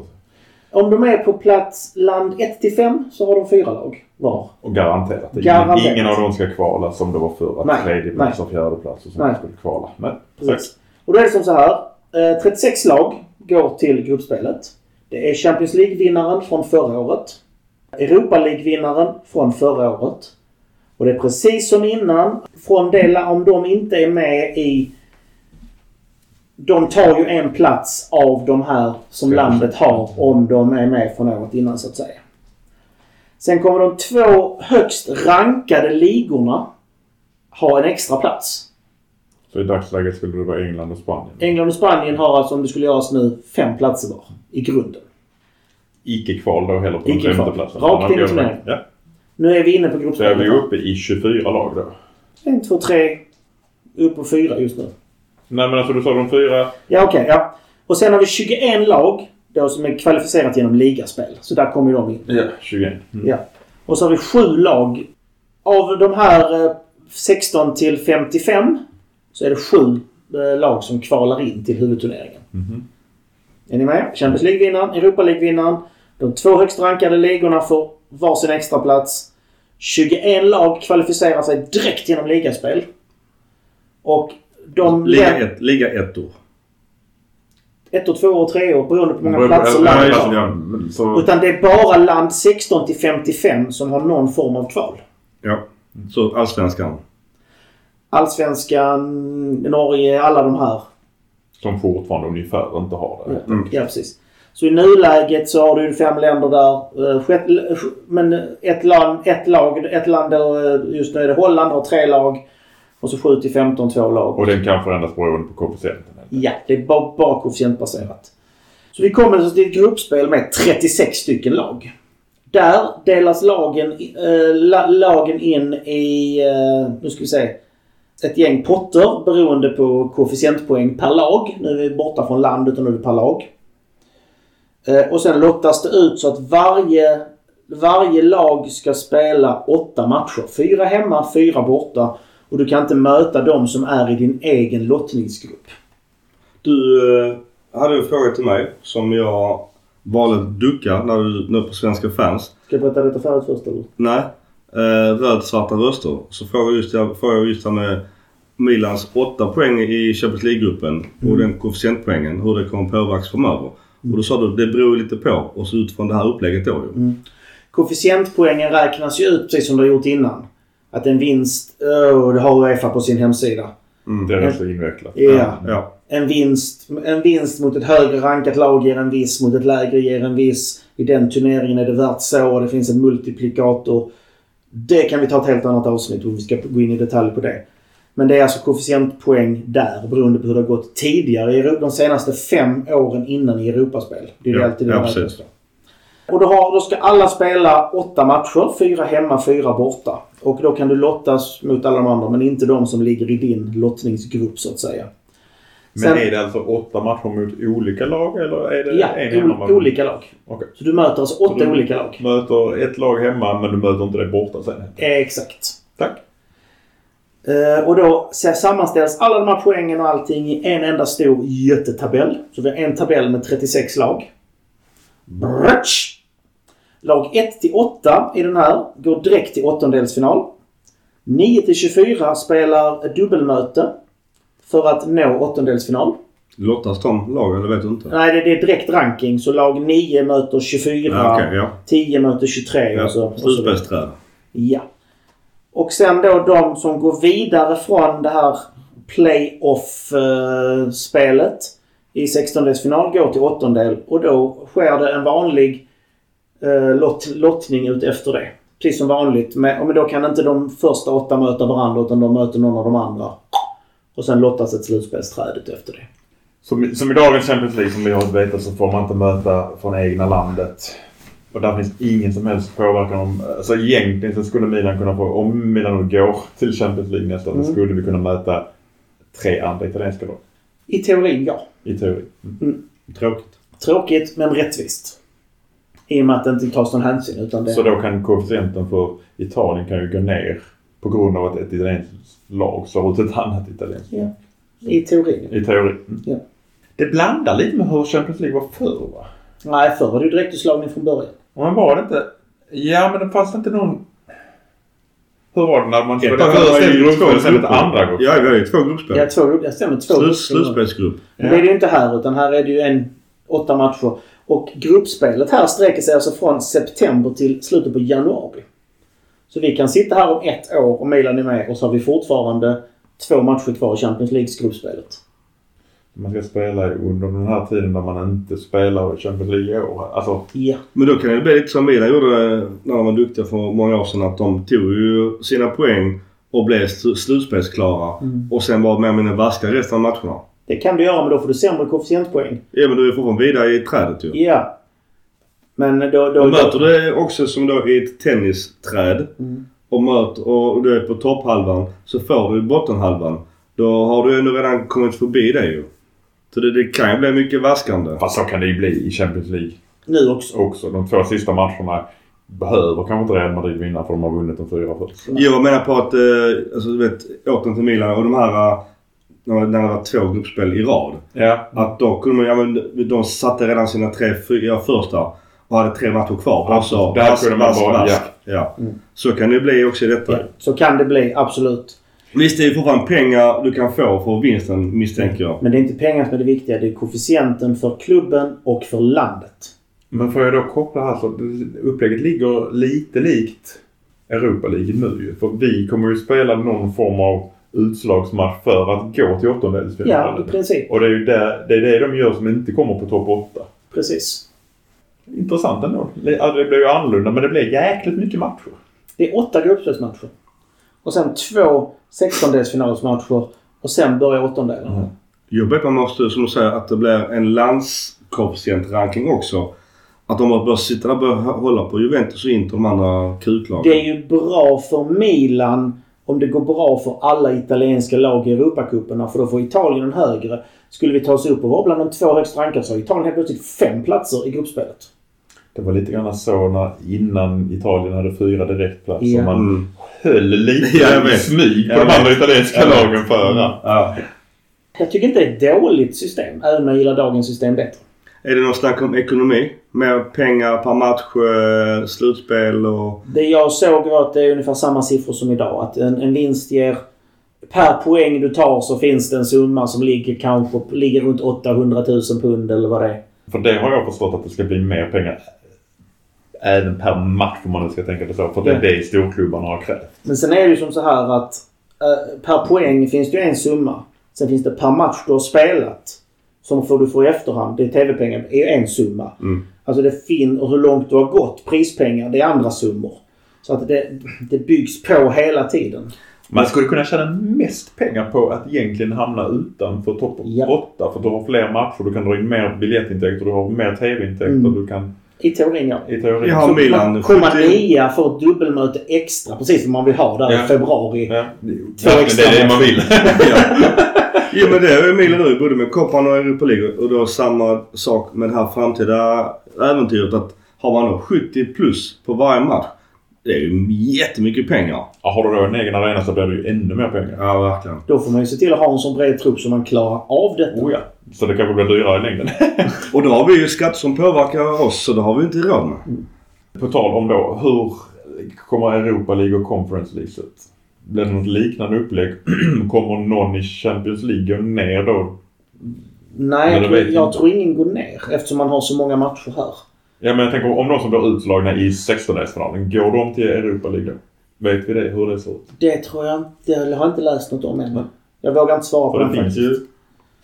Jag Mina ska spela Champions League, ja. Ja. Men det finns ju en Jag tror... Min gissning är att det inte är aktuellt. Utan jag tror den, med den bakvägen in till Europa League är bortplockad i och med att man har åtta matcher här. Jag har läst också och hört på en annan podd eh, med just den här Uefa-ranken. Eh, Just nu pratar jag ur ett MFF-perspektiv. Men att också en stor vinnare är ju alla de här mindre lagen. Ja. Att de har chans att faktiskt komma in i de här turneringarna. För det finns två, två kvalvägar in här i det här. Där jag skrev en massa kval. Nu fokuserar jag på Milans väg här. Men det finns två kvalvägar in. En Champions Path och en Qualification Path Mm. eller vad det heter. Och så länderna uppdelade. Så ja, fördelen är att för de, de 15 för bästa ligorna så är det aldrig någon med. Ja. De är helt bortplockade i ekvationen från början. Men min fråga är, på vilket sätt gynnar detta storklubbarna? Det är det jag tror inte att det gör. Nej, De är garanterade minst åtta matcher. Ja, men problemet är där att då kanske de får möta Ängaäng om det är... Alltså, förlåt.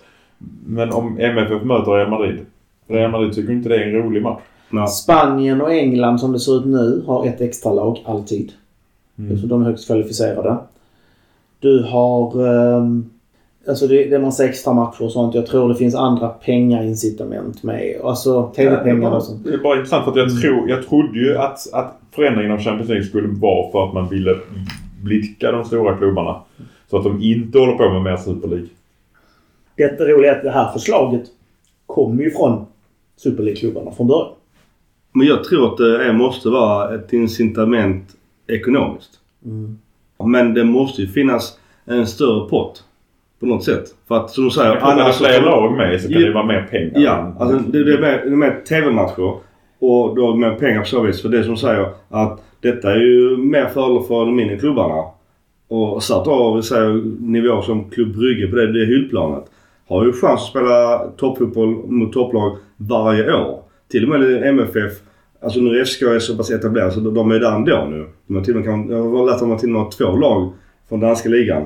Men ska det väl finnas någon i detta så är det ju topplagen i Europa, över hyllplanet, som måste ha pengar. För att annars kommer de bara säga fuck detta. Då kan det till och med bli att man bara så du uh, show us the fucking money. Annars blir det Super League för oss. Klubbarna vill ha mer pengar men jag kan inte tänka mig att de egentligen ser positivt på att spela fler matcher. Alltså risken är ju, det är ju hur det etableras. Alltså jag tänker på någon global piss. Alltså vet du, Asien, sydamerikanska lag. Eh, de har ju en viss kvalitet. Sen finns det ju mycket sämre kvalitet och mer pengar på andra håll i världen. Eh, hela Nordamerika och eh, de kan ligga där ju. Norge ligger just nu på 16 plats och Danmark på 17. Klättrar de så är de ju garanterade platser. Ja fan så jag, jag tror norska var... Norska är rankad 16 i, i Europa. Danmark 17. Norska ligan har gått bra i Europa League. Jo jag för tänkte man har inte varit i Champions League på länge. Sverige 23. Europa League har de varit mycket i. ja, Vålregeln har väl gått bra i många år. Rosenborg ly- lyser med sin Nej, men även då med Bodö Glimt. Bodo Glimt som Ja. Jens Petter. Vad fan har hänt med Hauge? Han är helt väck. Men han gjorde en mycket bra affär helt enkelt. ja, ja. Det roliga är att Italien eh, ligger väldigt, väldigt nära Tyskland i koefficient just nu. Att vi kan gå om till att bli trea, tre- tredje. Ja, det kan man ju faktiskt ta upp under eh, skattereduktionen att det delvis tyckte italienska fotbollsförbundet att det här är en jättebra grej för då kan vi öka vår koefficient i Europa. Och det har vi verkligen gjort. ja, verkligen. Mm.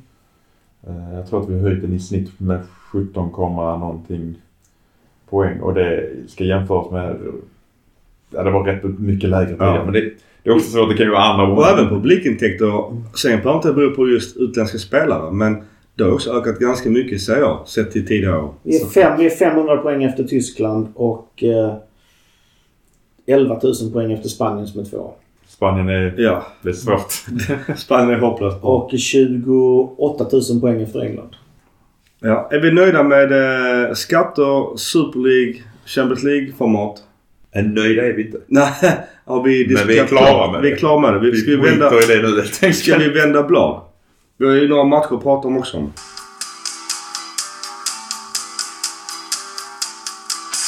Monza hemma. 3-0 inför 70 000. Plus en i vilket från Pulisic. Eh, bra betyg på många spelare.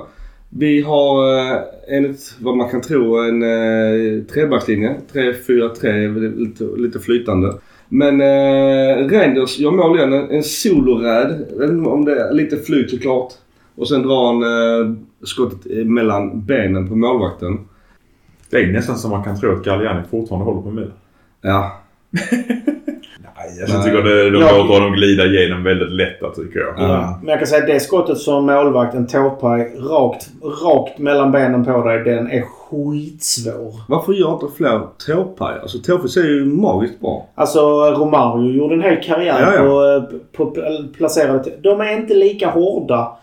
Och får du inte en hundraprocentig träff så eh, är risken att de eh, går åt ett annat håll. Men jag håller med dig. Tåpajar är det värsta som finns för en målvakt. Ännu en skada. På väg att gå ut i 23. Eh, då kommer Simic in. Han som var, sa vi tjänade 100 000 euro. Nej. Du snodde våra 13 200. Ja, just det. 250. Tyvärr på väg borta ganska länge dessutom. Så att... Eh, så ännu en skada som sagt ju. Eh, matchen i sig 3-0 kort. Florenzi gör ju en riktigt bra match. Borde faktiskt satt två lägen. Vi gör vad vi ska. Vi städar av dem. Vi spelar snabbare. Vi spelar mer effektivt. Sätter, vi sätter chanserna. Simic får göra mål. Det, det, det, det är en bra match. Simic gör ju ett jättesnyggt mål och hans föräldrar är ju såklart jätteglada eh, på läktaren nu. Och värst är alltså Pulisic eh, skott med vänstern. Det hade varit ett jävla drömmål. Att den tyvärr tar virket är så jävla oflyt. Och han är nära på Simic är nära på att göra tvåan också. Vi var väl rätt så oroliga för den här matchen för det var väl en tidig match? Var det Ja, inte det? vi gillar ju inte tidiga matcher. Men eh, med Monza, Colombo var ju inte het i den här matchen tyvärr. Det, det sköna med den här matchen är som jag sa innan att jag har problem med att stänga matcher. Det gjorde vi i denna matchen. Men det är, Monza är ju... Det märks. De är inte riktigt där än. Det är ett lag som tar lite poäng lite då och då men det är inget lag som tar poäng i varje match över tid och är stabila. Eh, Giroux assist till Okafors tränarmål är väl eh, världsklass. Ja, det är så vackert. Han är så smart Giro alltså. Det. Ja, fullt underskattad spelare. Eh, Jag tänkte ha en liten quiz på, ehm, på just, eh, inte, inte Monza överlag, men att just Simic byttes ju in. Så jag tänkte så här, vi, ni får svara varannan svar. Och, och då inte, om inte en kan, t- över till den andra. Och då har vi, för många, det har ju varit ett, lite skojigt rykte att Piol inte vill ge unga spelare chansen. Så därför tänkte jag att vi kör en quiz på, nu har vi Simic redan sagd. Dock inte riktigt hur gammal han är så det är lite bubblare. Men det är vilka spelare har fått spela och representera Milan som är 22 år och yngre? Under vilken tidsperiod? Denna säsongen? Ja men såklart. Ja, ja bara så att vi har tidsperioden satt innan. Och Simic fick vi inte säga. Eh, du kan få Simic. Okej, ja, ja. Så en poäng till Mackan. Gurra? Francesco Camarda. Ja. Vill du gissa hans ålder? 15 och eh, 244 264 dagar. Ja, Kamara också Jag rätt Simic är 18 om det skulle... Exakt. Är det min tur nu då alltså? Ja, eller vill du- Jiménez. Alltså, eller. Du måste, säga, du måste inte säga åldern. Bara att han är under cupen var med förresten. I... Alex Jiménez är också representant för Milan, ja. Ja. eh, Då är han 17 år. 18. Är han 18 nu? Han har blivit 18 tror jag, ja. Han värvades som 17 år. Så kan Ja. jag säga. Mm. Check Traore. Traore. Stämmer. Vad är han? 19. 19 ja. 2-2 än så länge. 2-1. Han fick en gratis. Förvisso. Bartesagi. Alldeles rätt. Davide, 18 år. Sa, su, su, Saiolus heter han. Fan. N- nära skjuter en hare har. Nah. Du vet vem jag menar. Då får du förklara lite mer. Vilka positioner och sådär. Mittfältare byttes in eh, senaste ligamatch. eh, Kevin Ceroli. Tack, tack. Du får rätt för det. Jag är Tack. jävligt Nej, det snäll. var faktiskt det var lite för. Ja, Ja, men- där fick jag Simic. Men äh, sa du att det var sex stycken? Nej, jag har inte sagt hur många det är. Jag tyckte du sa sex stycken. Men det, eh, Ja, jag kan räkna hur många det är. Eh, Vi har satt sex stycken tio spelare. som är 22 eller yngre. Ja. Musa. Janus Musa 21. I år. 20 när han värvades. Ja, absolut. Vad fan har vi? Sin Adli är väl bara är väl 21 va? 23. Han är 23. Ja, han missade på. Eller han är inte med. Ah, okej. Mm. Vi går vidare så länge. Får tänka Ja, vidare. eller får jag, får jag gissa igen då? Nej. Ja, jag väntar på Mackan. Ja, Nej, jag trodde att du ville gissa igen. Jag trodde det fick Aha, vi inte. nej, det fick vi inte. Chokwese. Han är 23. Eller 24 tror jag till och med. Han blev det? Okej. Pobeg är väl bara 22 va? Nej, han är äldre. Han. Jag ska ge tips till er båda så ni får var sen. Där är två mittbackar. Kalulu. Nej, han är... tror att han är 24 eller nåt.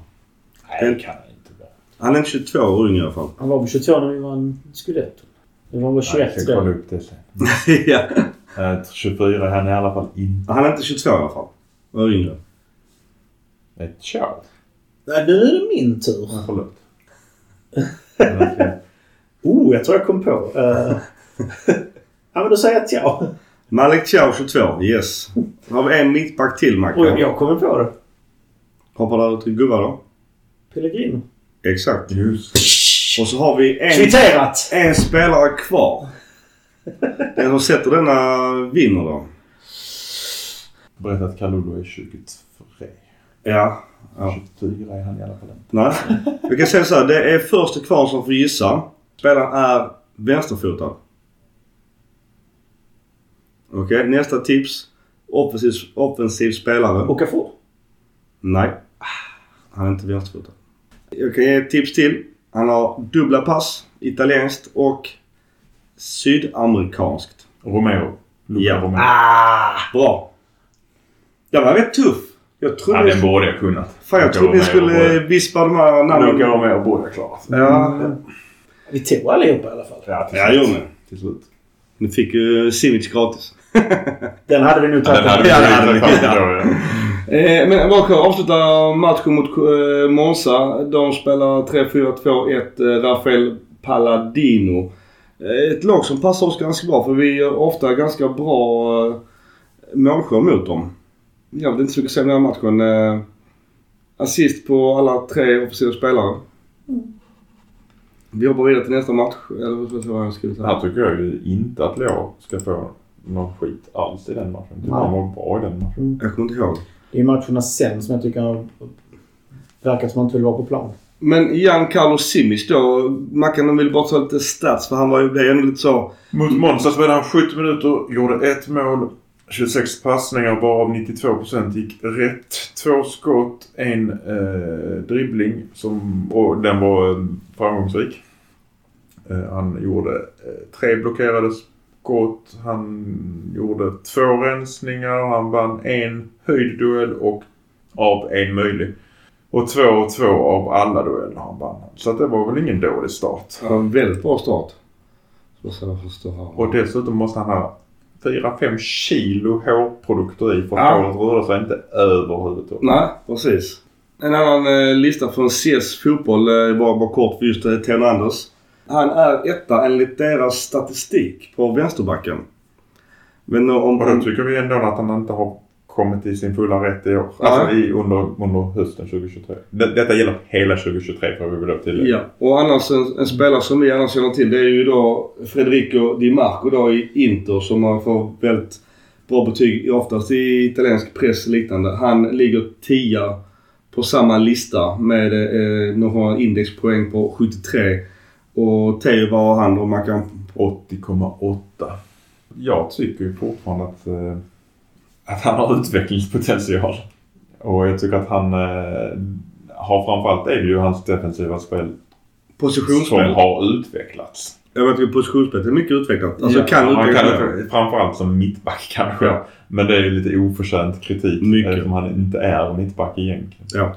Alltså, han ska ju inte spela mittback. Han, är, han, är, han- alltså, han ska ju äga sin vänsterkant. Och det märks ju att vi tappar när han måste tvingas gå in och spela mittback.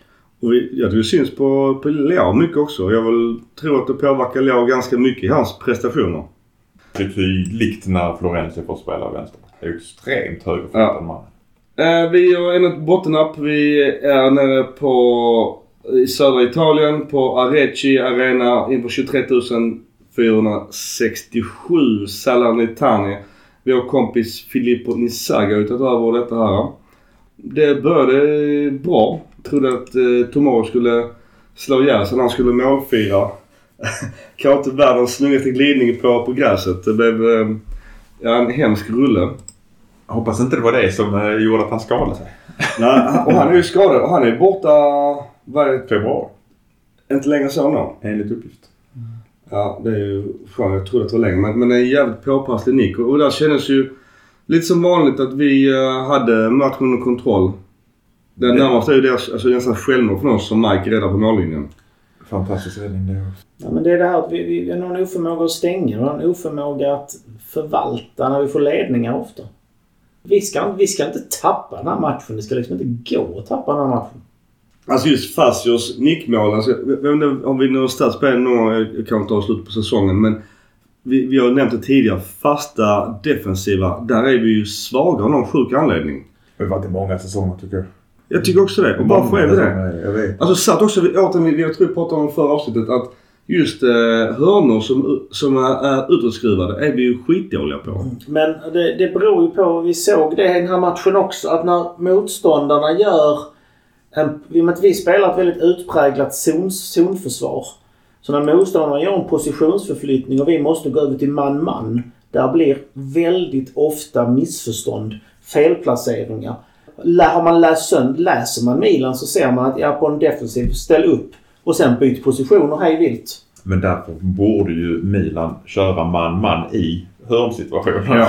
ja. Och då, och då är vi tillbaks på Pioli. Det här Ja. borde han ju inse och justera. Och någonstans var det ju Zlatans, han, ha- han hade ju alltid första ytan ju. Där, där trodde jag, då kan man Giroud gå in och ta den. För att hur ofta nickar inte Zlatan bort bollar? Och vi har inte den vinsten i det läget idag. Det, vi har ju sett många flickons. Alltså Paris, nu såg här nu mot Musana Tana var ingen, ingen flickon i och för sig. Men vi, att vi tappar den ytan och då blir vi straffade. Mm. Men stor händelse i den här matchen, det är ju... Ja, jag nämnde det sist. Jag att jag bara prata om Mike igen i något negativt ordalag. Men hans insats mot... Eh, Jag undrar vad fasiken som gick fel där ja men. Kandreva är ju en duktig, duktig skytt, ja. Men det är ju Ja, ska megatabelt. ta. Han ska ta det, men alltså, jag, jag, jag, jag, försökte, jag försökte titta på den och kom på varför släpper han in det där långskottet? Visst, det wobblar lite, men han ska inte få... det- Vid första stolpen, det är jättemärkligt.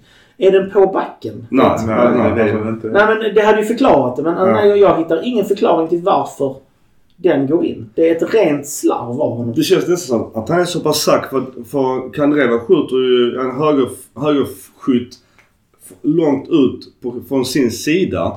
På första sidan. Alltså, jag vet inte om man tror att han, att han står fel. Att nästan att han släpper det för att han är så säker på att den kommer gå utanför. Det enda jag kan tänka mig är att han, att han vrider upp huvudet eller blicken för att titta vad som händer på andra sidan och precis då kommer skottet.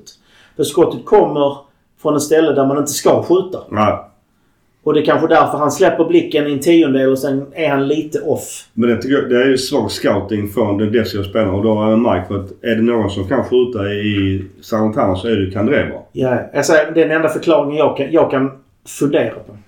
När han gör mål, då är Tomori utgång. Ja. Jag tror att det delvis är det som gör... Kjär är också utbytt ju. Jag Och- båda han fick bollen i huvudet där precis Ja, det är. Simic och Teo som Och Theo som går in där. Ja. Jag tror givetvis, är detta inte 100% på något sätt, men det kan ju givetvis påverka eh, Magnon. I hur han beter sig. Att han är osäker. Ja, var ska blicken jag- flackar. Var är de andra? Hur rör de sig? Mm. Men nu är vi snälla mot Mike. För att eh, det var jävligt dåligt. Ja, nej, nej, säger, nej, nej. nej. Det, det är ett misstag av honom. Ett misstag, men jag tror men- det kan störa honom. Man kan hitta en förklaring till varför han gör misstaget. Liksom att vi kunde säga att Kalulu och eh, Tomori som var ytterst bra ihop med Mayon förra säsongen igen. Mm. Inte var det när han inte stod. Att Nej. det kan påverka balansen. Du bara kort annars. Eh, nummer 10 Salentana Dia. Han ryktas ju lite till Milan. Vi ska inte prata rykte egentligen men han ändå är på tapet. Han blir utbytt. Han var en jobbig jävel att möta men är han Milan-material spontant? Nej. Alltså det är frågan. Vill vi vara ett italienskt lag som kämpar för fjärdeplatsen eller vill vi vara ett lag som slåss om titeln? Där har du svar på din fråga. Ja. Så han är inte Milan-material? Nej. Nej. Inte nu. Hade han, hade han legat på 20 mål här så hade vi kunnat fundera på det. Ja, då har inte han varit kvar i och för sig, Salentana. Men nej, han är inte där än. Alltså han är ändå 27 år gammal så det är liksom inte så att det är någon Nej. upcoming Han star kommer heller. inte vara... Nej. Det känns som alla som har en fotbollssko på foten och kan, kan sparka en boll ryktas till Milan ibland. Eh, vi är nära på att kvittera. Jovic är nära på att kvittera i, i slutminuterna. Där gör ju deras andra keeper mag, två magiska räddningar. Men eh, vad är det? Alltså jag tror vi, vi bombar ganska hårt på, på sista fem minuterna. Och Slut gör Jovic mål i 90 Jag måste ändå bara nämna Jovic kort. Nu är han ju en poängräddare. Eh, Vänsterfoten. Han är ganska klinisk i sina avslut. Och när vi är nära på att faktiskt göra mål i... Eh, Han är ju en klinisk anfallare. Han är ju en spelare som har haft all framtid framför sig som inte hittade rätt. Fortsätter han som han har gjort nu så ser jag absolut en förlängning för honom. Jag måste bara säga det just han, vi är nära på år 3-2 och det är ju Calabria som inte är nickspecialist direkt men han är ju jävligt nära på år 3-2 i slutet. Luka Jovic, eh, måste ändå ta honom för att nu har han gjort... Alltså per minut spelare har han gjort ganska många mål helt plötsligt. Han har gjort sammanlagt, då pratar vi alla turneringar i Milan, han har gjort 731 minuter. Och sju mål och en assist på det. Det är... Det är inte fy skam. Jag var ganska kritisk till honom i de första matcherna. Eller allt han gjorde fram till, till december i princip. Det var ju skitdåligt. Det var ganska roligt. Ja. Men jag kan ju också tycka att han faktiskt har varit bra nu. Det, Puyol har ju alltid gått ut och försvarat honom och sagt att, att han kom i dålig form och att han var tvungen att komma i form. Och det är det vi ser nu. Mm. Men fortfarande, jag är inne på ditt spår där. Han är ju inte, rikt, han är inte snabb. Nej, nej. Utan han ska ju snarare vara en statisk spelare som ska stå och, och, och göra de här Ja. Vem var det som sa det? fulmålen som Mm. ändå gör poäng. Men var det du som skrev det mycket i vår grupp att Jovic är inte snabb och svarade nej, men han står rätt. ja. Ja, och det är ju egentligen det som är... Det är ju det hans jobb är. Pippo Inzaghi var både snabb och stod rätt. Så här, nu ska vi inte dra för stora växlar på det, men det är rätt ofta han och Giroud som lyckas göra mål ihop. Två, alltså två boxspelare. Mm. Och det klart att du ska... Det är ju, där ska kanske då Pioli ha cred för att det är klart att de ska in om man ligger under. Vi går hastigt vidare. Vi ska Eh. Sassuolo hemma. Serie A. Som vanligt har vi över 70 lax på uh, San Siro. Sassuolo är ett lag som vi inte brukar gilla jättemycket. Jag tycker de var riktigt svaga denna matchen. Vi var inte jättebra heller men det kändes som att det var en riktig ångestmatch. Um, Reinders blev man of the match igen. Leo blev utbytt. Lite busvisslingar från Leos sida. Eller på Leo. Från Leo. Ja, på Leo. Är det oroväckande? Som jag har nämnt här innan att jag tyvärr Leo, det är någonting som inte stämmer där. Det var i den här matchen när han förlorade någon duell men han jobbade inte tillbaka bollen utan han gick mest och, ty- och tittade upp i himlen. Det känns inte som den här glada spelaren längre som jobbar och sliter åt alla håll. Han fick ett mål bort och en för offside. Det var jävligt synd. För det Ja. var riktigt snyggt det målet annars. Men det känns, alltså, jag får känslan ibland när jag ser honom i duellerna att han bara nu blir jag med bollen. Att han inte vill vara där. Jag jinxade ju Berardi för att jag satte ju pengar på att han skulle göra mål. För det gör han alltid mot Milan ju. Och eftersom jag är norra Europas sämsta bettare så blev det ju inga mål för Berardi. Eh, Mike gjorde en superräddning och Berardi blev utbytt. Så att eh, alla Milan-fans borde ju tacka mig kan jag tycka. Varför sätter du, all, varför sätter du inte systemet att alltid sätta pengar på motståndaren? Ja men jag ska bara göra det. Det är alltså ditt fel varje Det- du tappar. Så kan man säga det. Men det funkar i alla fall med Berardi. Med Berardi. Pulisic gör mål men assisten gör ju eh, Benazzo och han tappar vi nu i... Är det hela januari månad eller? I Hur princip- hur länge borta? på, beror på hur långt de går också. Men Men i alla fall eh, några veckor. Han och Chukwese ska till Afrikanska mästerskapen. Och det är ju vi inte jättenöjda med med tanke på att det är ju två spelare som inte är skadade. Och Benazzo och Milan är ju mycket bättre än vad vi är utan Benazzo. Det är ju kravet för att vara aktuell för spel i Milan, det är att man inte är skadad. ja.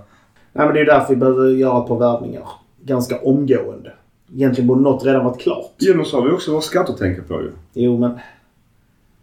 Det finns spelare att värva. Vi har pengar till det. Det är inte så att vi helt plötsligt inte kan värva bara för att de behöver betala mer skatt. Eh, sömnpiller, eller vad tycker du om... det- Dock, det är ju tre poäng men annars är det ju inte en jättespännande match. Just Chukwese är här på tvåan i 90 men annars så... Inte jättebra insats från någon, eller? Jag tycker också att Leo har sett loj ut. Lite varning om hur han kunde se ut i början av hans Milan-tid. Mm. Att han tycker inte riktigt att de andra gör vad de ska och därför ska inte jag göra vad jag ska. Problemet är att han faktiskt har lite rätt i att de andra inte gör vad de ska. Jag, säger, jag försvarar inte att han är loj. Jag försvarar inte att han är loj. Men han har... Hade resten av anfallet gjort mål på alla de chanser han skapar hade det inte sett ut så här i kritiken. Nej, inte poängskörden heller. Nej, men alltså han skapar fruktansvärt mycket på egen hand. Sen ja, lojheten tycker jag inte heller om. Men han ska få cred för det han är duktig på också. Och då måste vi kunna gå och titta på de andra spelarna. Varför gör de inte mål på de chanser han gör? Och det som inte heller syns i statistik det är att han blir alltid dubblad. Vilket innebär att då måste det vara yta någon annanstans till våra andra Jag ska säga fyra spelare på honom så fort han har bollen i princip. Och det är ju rätt om du är motståndare. Mm. Märks det ännu tydligare att han saknar Theo som sin kompis Ja. på vänsterkant. Jag tror det är mycket avgörande. Att eh, med Teo är ju Leo bättre. Jag tror verkligen det. De är ju bättre tillsammans. helt Det blir ett helvete att möta de två offensivt. Men en annan konstig fråga. Och en spelare i quizen här Det är ju Serial blir inbytt eh, istället för Loftus Cheek. Ganska förvånande för Loftus Cheek han var inte bra men men när man har så pass skör ledning hemma mot uh, Sassuolo. Vad gör du Gurra? Fixa en grej. Men varför gör du det nu? För att det behövde göras. Nej. Varför gör Pioli detta? Det, det är ju helt vansinnigt. Det var faktiskt ett byte som jag också ifrågasatte väldigt tappa Varför mittfältet gör där. man det där? Är det för att han på något sätt vill bevisa att jag vågar visst spela unga spelare? För att jag fattar inte. Loftus-Cheek, jag håller med. Han var inte särskilt bra den matchen. Men när du leder med 1-0. Den kändes Klart. väldigt riskabel och vi, vi reagerade ju allihopa. Vilka hade vi mer på bänken i den här matchen? Man väljer att ta in Ceroli när... Han bytte in Adli senare. Krunic är ju mega frysbox. Ja. Alltså Kronis sitter på bänken och blir inte inbytt. Mm. I det här läget när vi leder med 1-0. Och det är nog Pauls favoritspelare. Ja. Där måste någonting hänt åt den omklädningsrumssnacket. Men att eh, han inte är committad eller vill lämna. Om man inte byts in i det här läget då ska han inte ens vara på bänken. Det är frågan. Tom hellre in en Primavera på 18 år. För Ja. en etablerad eh, Rade Krunic. Då är någonting riktigt fel. Precis.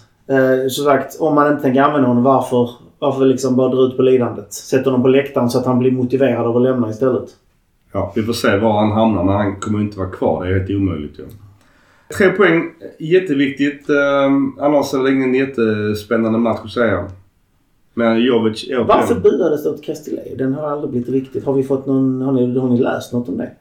Nej, egentligen inte. För det är också konstigt. Alltså han, han är ju milanista och han visste... Men jag tror att, att det var att... Det var väl att han inte valde att lämna eh, ett eller två fönster innan han väl lämnade. För då var han lite, lite så leftovers. Jag vet inte om det, I denna matchen gjorde han en ganska ful tackling. Ja. Men såg ni honom direkt? Han hoppade upp och bad om Ja. ursäkt. Så det var ju nog ett rent Ja. misstag. Alltså jag tyckte det var ändå en spelare som när han var i Milan gjorde sitt bästa hela tiden. Alltså, jag hade inte buat ut honom. Så Nej, inte jag. Absolut inte. Jag, jag, jag förstår inte heller. Jag, jag kan bara tänka mig att det berodde på att det var svårt att kränga honom. Jag tror vi fick väl inga pengar heller för honom. Jag tror det var bra, bra kontrakt. Ja. Slippa lön. Ja, att det var det. Att, att, för att vi hade fått pengar ett eller två fönster innan och då valde han att inte vilja gå. Mm. Så att jag, jag, det är min gissning. Jag förstår honom. Varför skulle man vilja gå från Milan? Ja, det är ju hans eh, favoritklubb. Så att, Ja, sen var det en situation med frispark. Eh, jag tror det var Benazzo som fick en... Nu nu borttagen video nu, men att deras eh, brasilianska spelare, nu är inte kvar heller såklart ju, men eh, gör en eh, arm, armbågstackling på Benazzo. Jag vet inte, minns den? Ja, absolut. åsikter om det? Jag eh, tycker ju att det ska bli... Det ska blåsas men frågan är om det är rött kort. Är det inte rött kort får inte VAR ingripa. Det är på gränsen. Jag Ja. tycker fan att det är en aktiv handling. Eh, sen så kan det ta illa. Jag vet inte. Han kan, han kan tänkte att Bernhardsson skulle gå ner i, i höjd. Att han vill kanske armbåga han typ, Jag vet inte hur han tänkte. Men när man ser bilderna. Nu bilderna borttagna från, från vårt eh, Twitterkonto, eller X-konto. När man ser den rörliga bilder så ser de ut som ett jävla missfall. Ja. Om man, när man sen ser det i rörliga bilder. Överfall. Att då Valeri i, i varummet. Men, överfall. men, eh, men Mackan sammanfattade bra här. Var kan, var kan ha sagt att det kan vara ett och domaren har sagt nej, jag har sett det, det är inget. Alltså, vi vet ju inte men VAR har, har garanterat tittat på det. Garanter, de har garanterat haft en dialog om det. Sen vad som har hänt, vad som händer med det, det är ju... Ja, Då är man nyfiken på att veta varför man friar. Men ja, det, vi, vi pallar inte dividera om det. Jag, Och fram till att eh, alla VAR-dialoger blir offentliga så vet vi inte.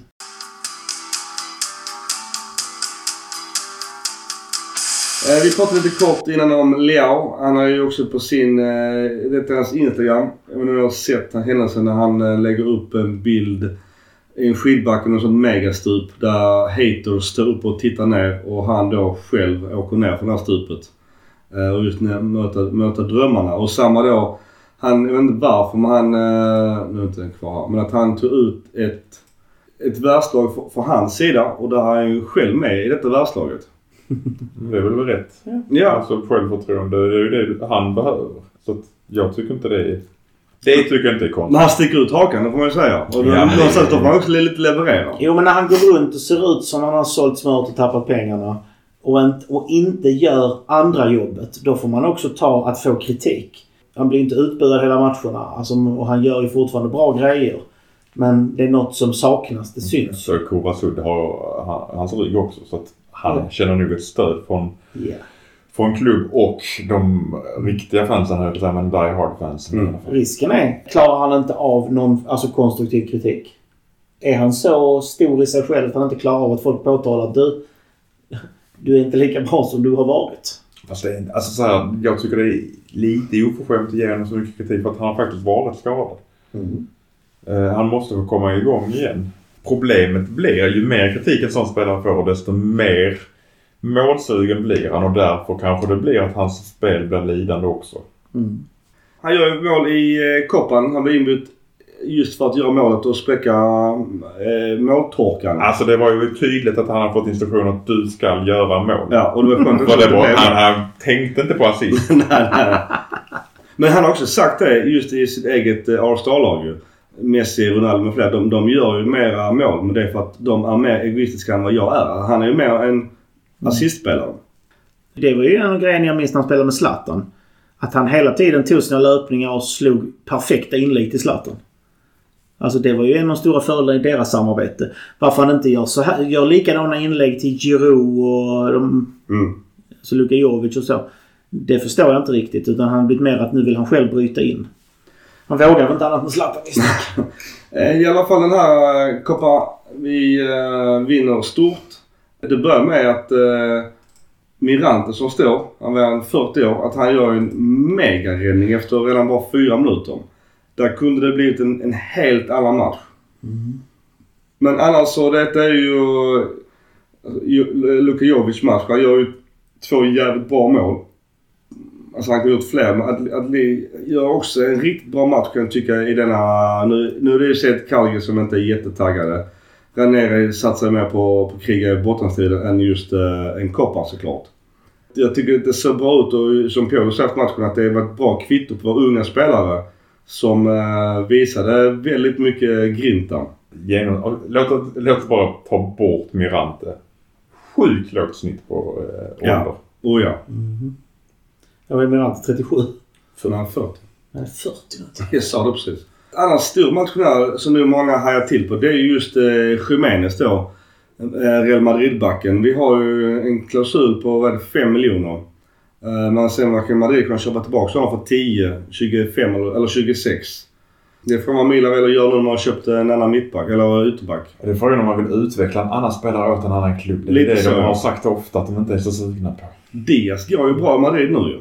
Nu är det mycket skador i Madrid men han har ju gjort det bra. Han blir man of the, eller eh, månadens spelare december för Real Madrid. Säg där.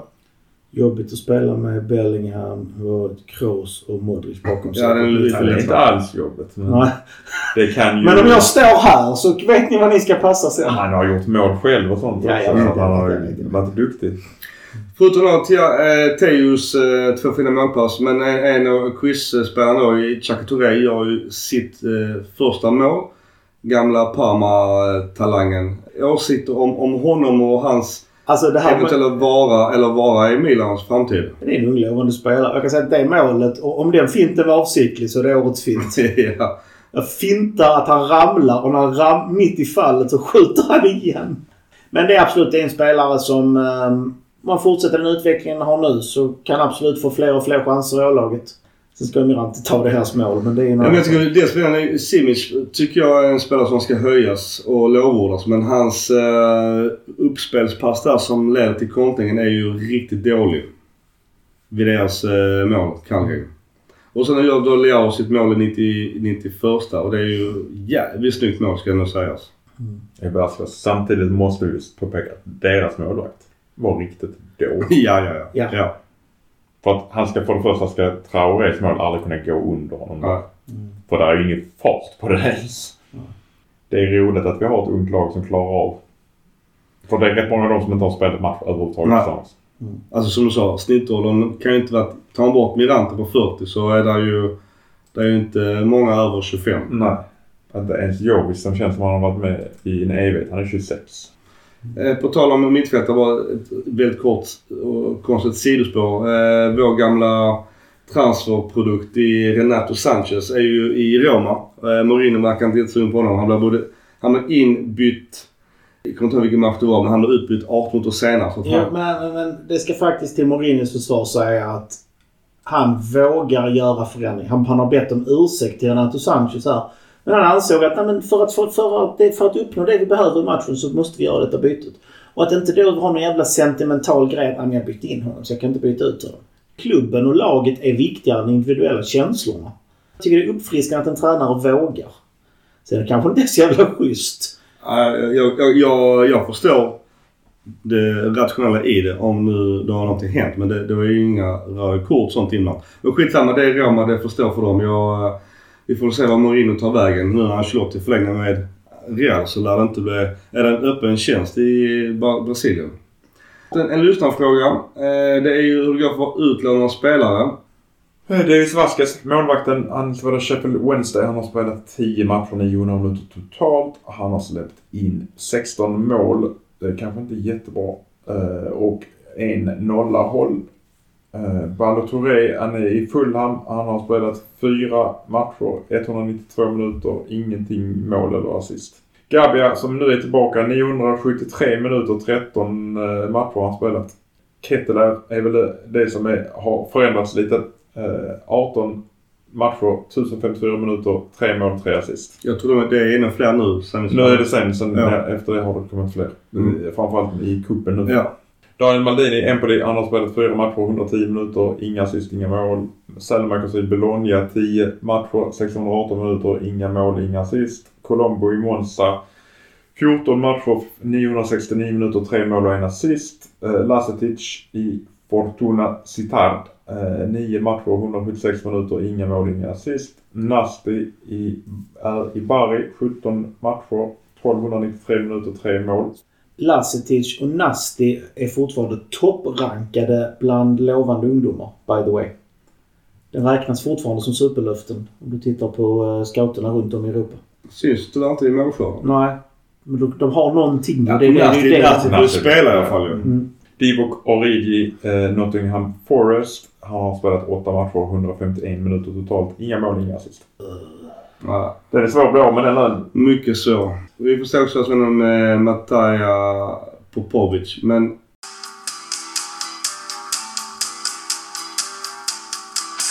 en sista stor fråga innan vi rundar av. Och det är ju eh, eller icke vara, Tyvärr även sist. Eh, Nu är det lite mer snack. Eh, Zlatan och Moncada ryktas säga att de är intresserade av att ta in Conte och Forlan är, intresserade av att ta in Motta. Allting är såklart rykte. Om vi nu leker med tanken att eh, Pioli försvinner. Vill ni ha någon av dessa här och i så fall vem av dem? Om man vill ha in någon av dem. Alltså jag tycker det är dags för en etablerad coach och då är det Conte. Ja, Conte kostar. Men han levererar också. Skapar en del kaos också. Ja. Då hade jag kunnat säga Mourinho också. Om vi ska prata kaos. Men... Uh, jag, jag tycker Conte är duktig. Jag tror han... eh, Att ge honom chansen med den här truppen som är där den är i det här läget med ett par nyförvärv tror jag hade kunnat gå riktigt bra. Motta är som... Alltså han, han är en up and coming. Det kan, bli, det kan bli vad som helst av Motta. Mackan, de här två just. Behöver inte svära vidare än så. Om jag måste välja så hade jag... Ja, du måste ju inte. Nej, Alltså du, du kan ju välja att inte säga någon av dem. Nej, jag vill inte ha någon. Nej. Av vilken anledning då? Att Conte ofta lämnar efter kort tid och då blir det ofta kaos hans lag efteråt. Jag vill inte se kaos i Milan om två år när Conte har lämnat och vi står där med inköpta spelare med långa kontrakt och dyra kontrakt som inte vill vara i Milan egentligen. Ja, och hans 3-5-2-variant som kanske inte många andra vill spela med. Nej, jag vill säga hellre att vi har en... Jag tycker att Conte är duktig på att komma in, göra förändring i en till två säsonger. Det tycker jag han är duktig. Och vi kommer säkert vinna ligan. Men frågan är vad det är om två, tre år. Frågan är om, jag tror nog att många är nöjda. Man har fått en spåkula och sagt så du får eh, ett ligaguld men om två säsonger därefter så är det kaos och dyra kontrakt och långa förlängningar som är alldeles för dyra och kostsamma och eh, allting där. Alltså man skulle kunna ta, man skulle kunna ta in Conte men då vill jag att man har en tränare som är bra på att ta över kaoset om två år. Mm. Absolut. Alltså då måste man ha en långsiktig plan på det sättet istället. Det är ju faktiskt ingen kaosgaranti med Conte. Han har, ju varit, han har ju varit i klubbar som inte har varit så stabila ändå. Nej, absolut. När det har blivit kaos så har... Alltså jag menar Inter har, var ju inte så stabila. Alltså det blev inte jättekaos faktiskt heller. Nej. För där tyckte jag de värvade ganska smart och de lyckades samtidigt bli av med lite av de dyra spelarna. Men Så jag, så jag säger det är, inte, det är ingen kaosgaranti bara för att man har Conte. Mourinho är ju en form av kaosgaranti. Ja, alltså problemet är som jag säger, som du var inne på. Spela, vi har inte spelarmaterial för hur han vill spela. Det kommer att bli en stor skillnad i truppen. Mm. Och då är jag rädd att vi sitter där med utlånade spelare om vi inte kan sälja dem. Som är för dagens spelsystem. Sen så kommer vi värva nytt som passar hans spelsystem och om tre år så har vi inte råd att Jag skulle lösa. kunna säga att vi skulle kunna spela hans 3-5-2 för vi har spelarna för det. Vi har inte byggt för det men titta vad vi har för spelare. Säg att vi har en skadefri trupp så 3-5-2 har vi absolut spelare för. Men jag tror inte vi ska gå in och laborera med det och nu träna i alla fall i mitt säsong. Om man sen eh, gör det efter, det kan man diskutera. Men, men eh, som sagt, här och nu där vi, vi fortfarande eh, enligt experterna på placeringen där vi förväntar oss efter Juventus och Inter. Eh, Juve har inget Europaspel. Det har både vi och Inter med flera. Och vi är ju ändå fortfarande trea i tabellen. En bra bit ner till femteplatsen. Vi är i Europa League. Vi är i Copan. Alltså vi eh, har ju fortfarande eh, all form av competition kvar att spela om. Det är ju en grej. Hade vi liksom åkt ur eh, alla kupper och legat en bra bit från Champions League. Då kan jag förstå att man ropar på Pioli out nu. Men där är vi ju inte. Inte i närheten. Ja, men det är som jag säger, antingen sparkar man en tränare innan förhoppningsvis innan man raserar eller så gör man efter säsongen. Och jag, än så länge har det inte riktigt raserats så det är inte läge att sparka honom. Ja. Men när det väl har rasat då är det för sent. Annan kort grej. Eh, Dejan Kulusevski fick Guldbollen i Sverige. Bryr vi oss? Eh, är det bra eller rätt eller fel? Det är kul för, det är kul för honom. Han har gjort sig förtjänt av det. Han har varit bra i Tottenham. Ja. Man kan ha åsikt. Nej, jag håller med. Det, Ja. Han bra i landslaget också. Vi kör sista hit and shit.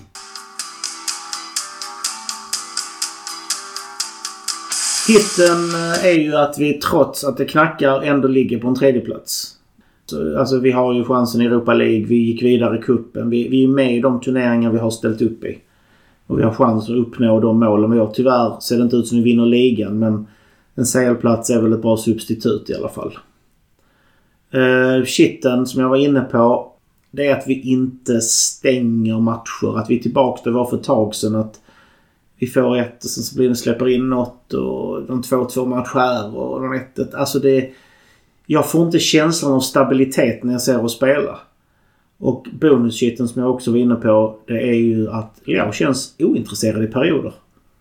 Även vad det beror på, det är en helt annan sak. Men han som den stjärnan, högst betald, den som ska vara med i världslaget, den som ska leda.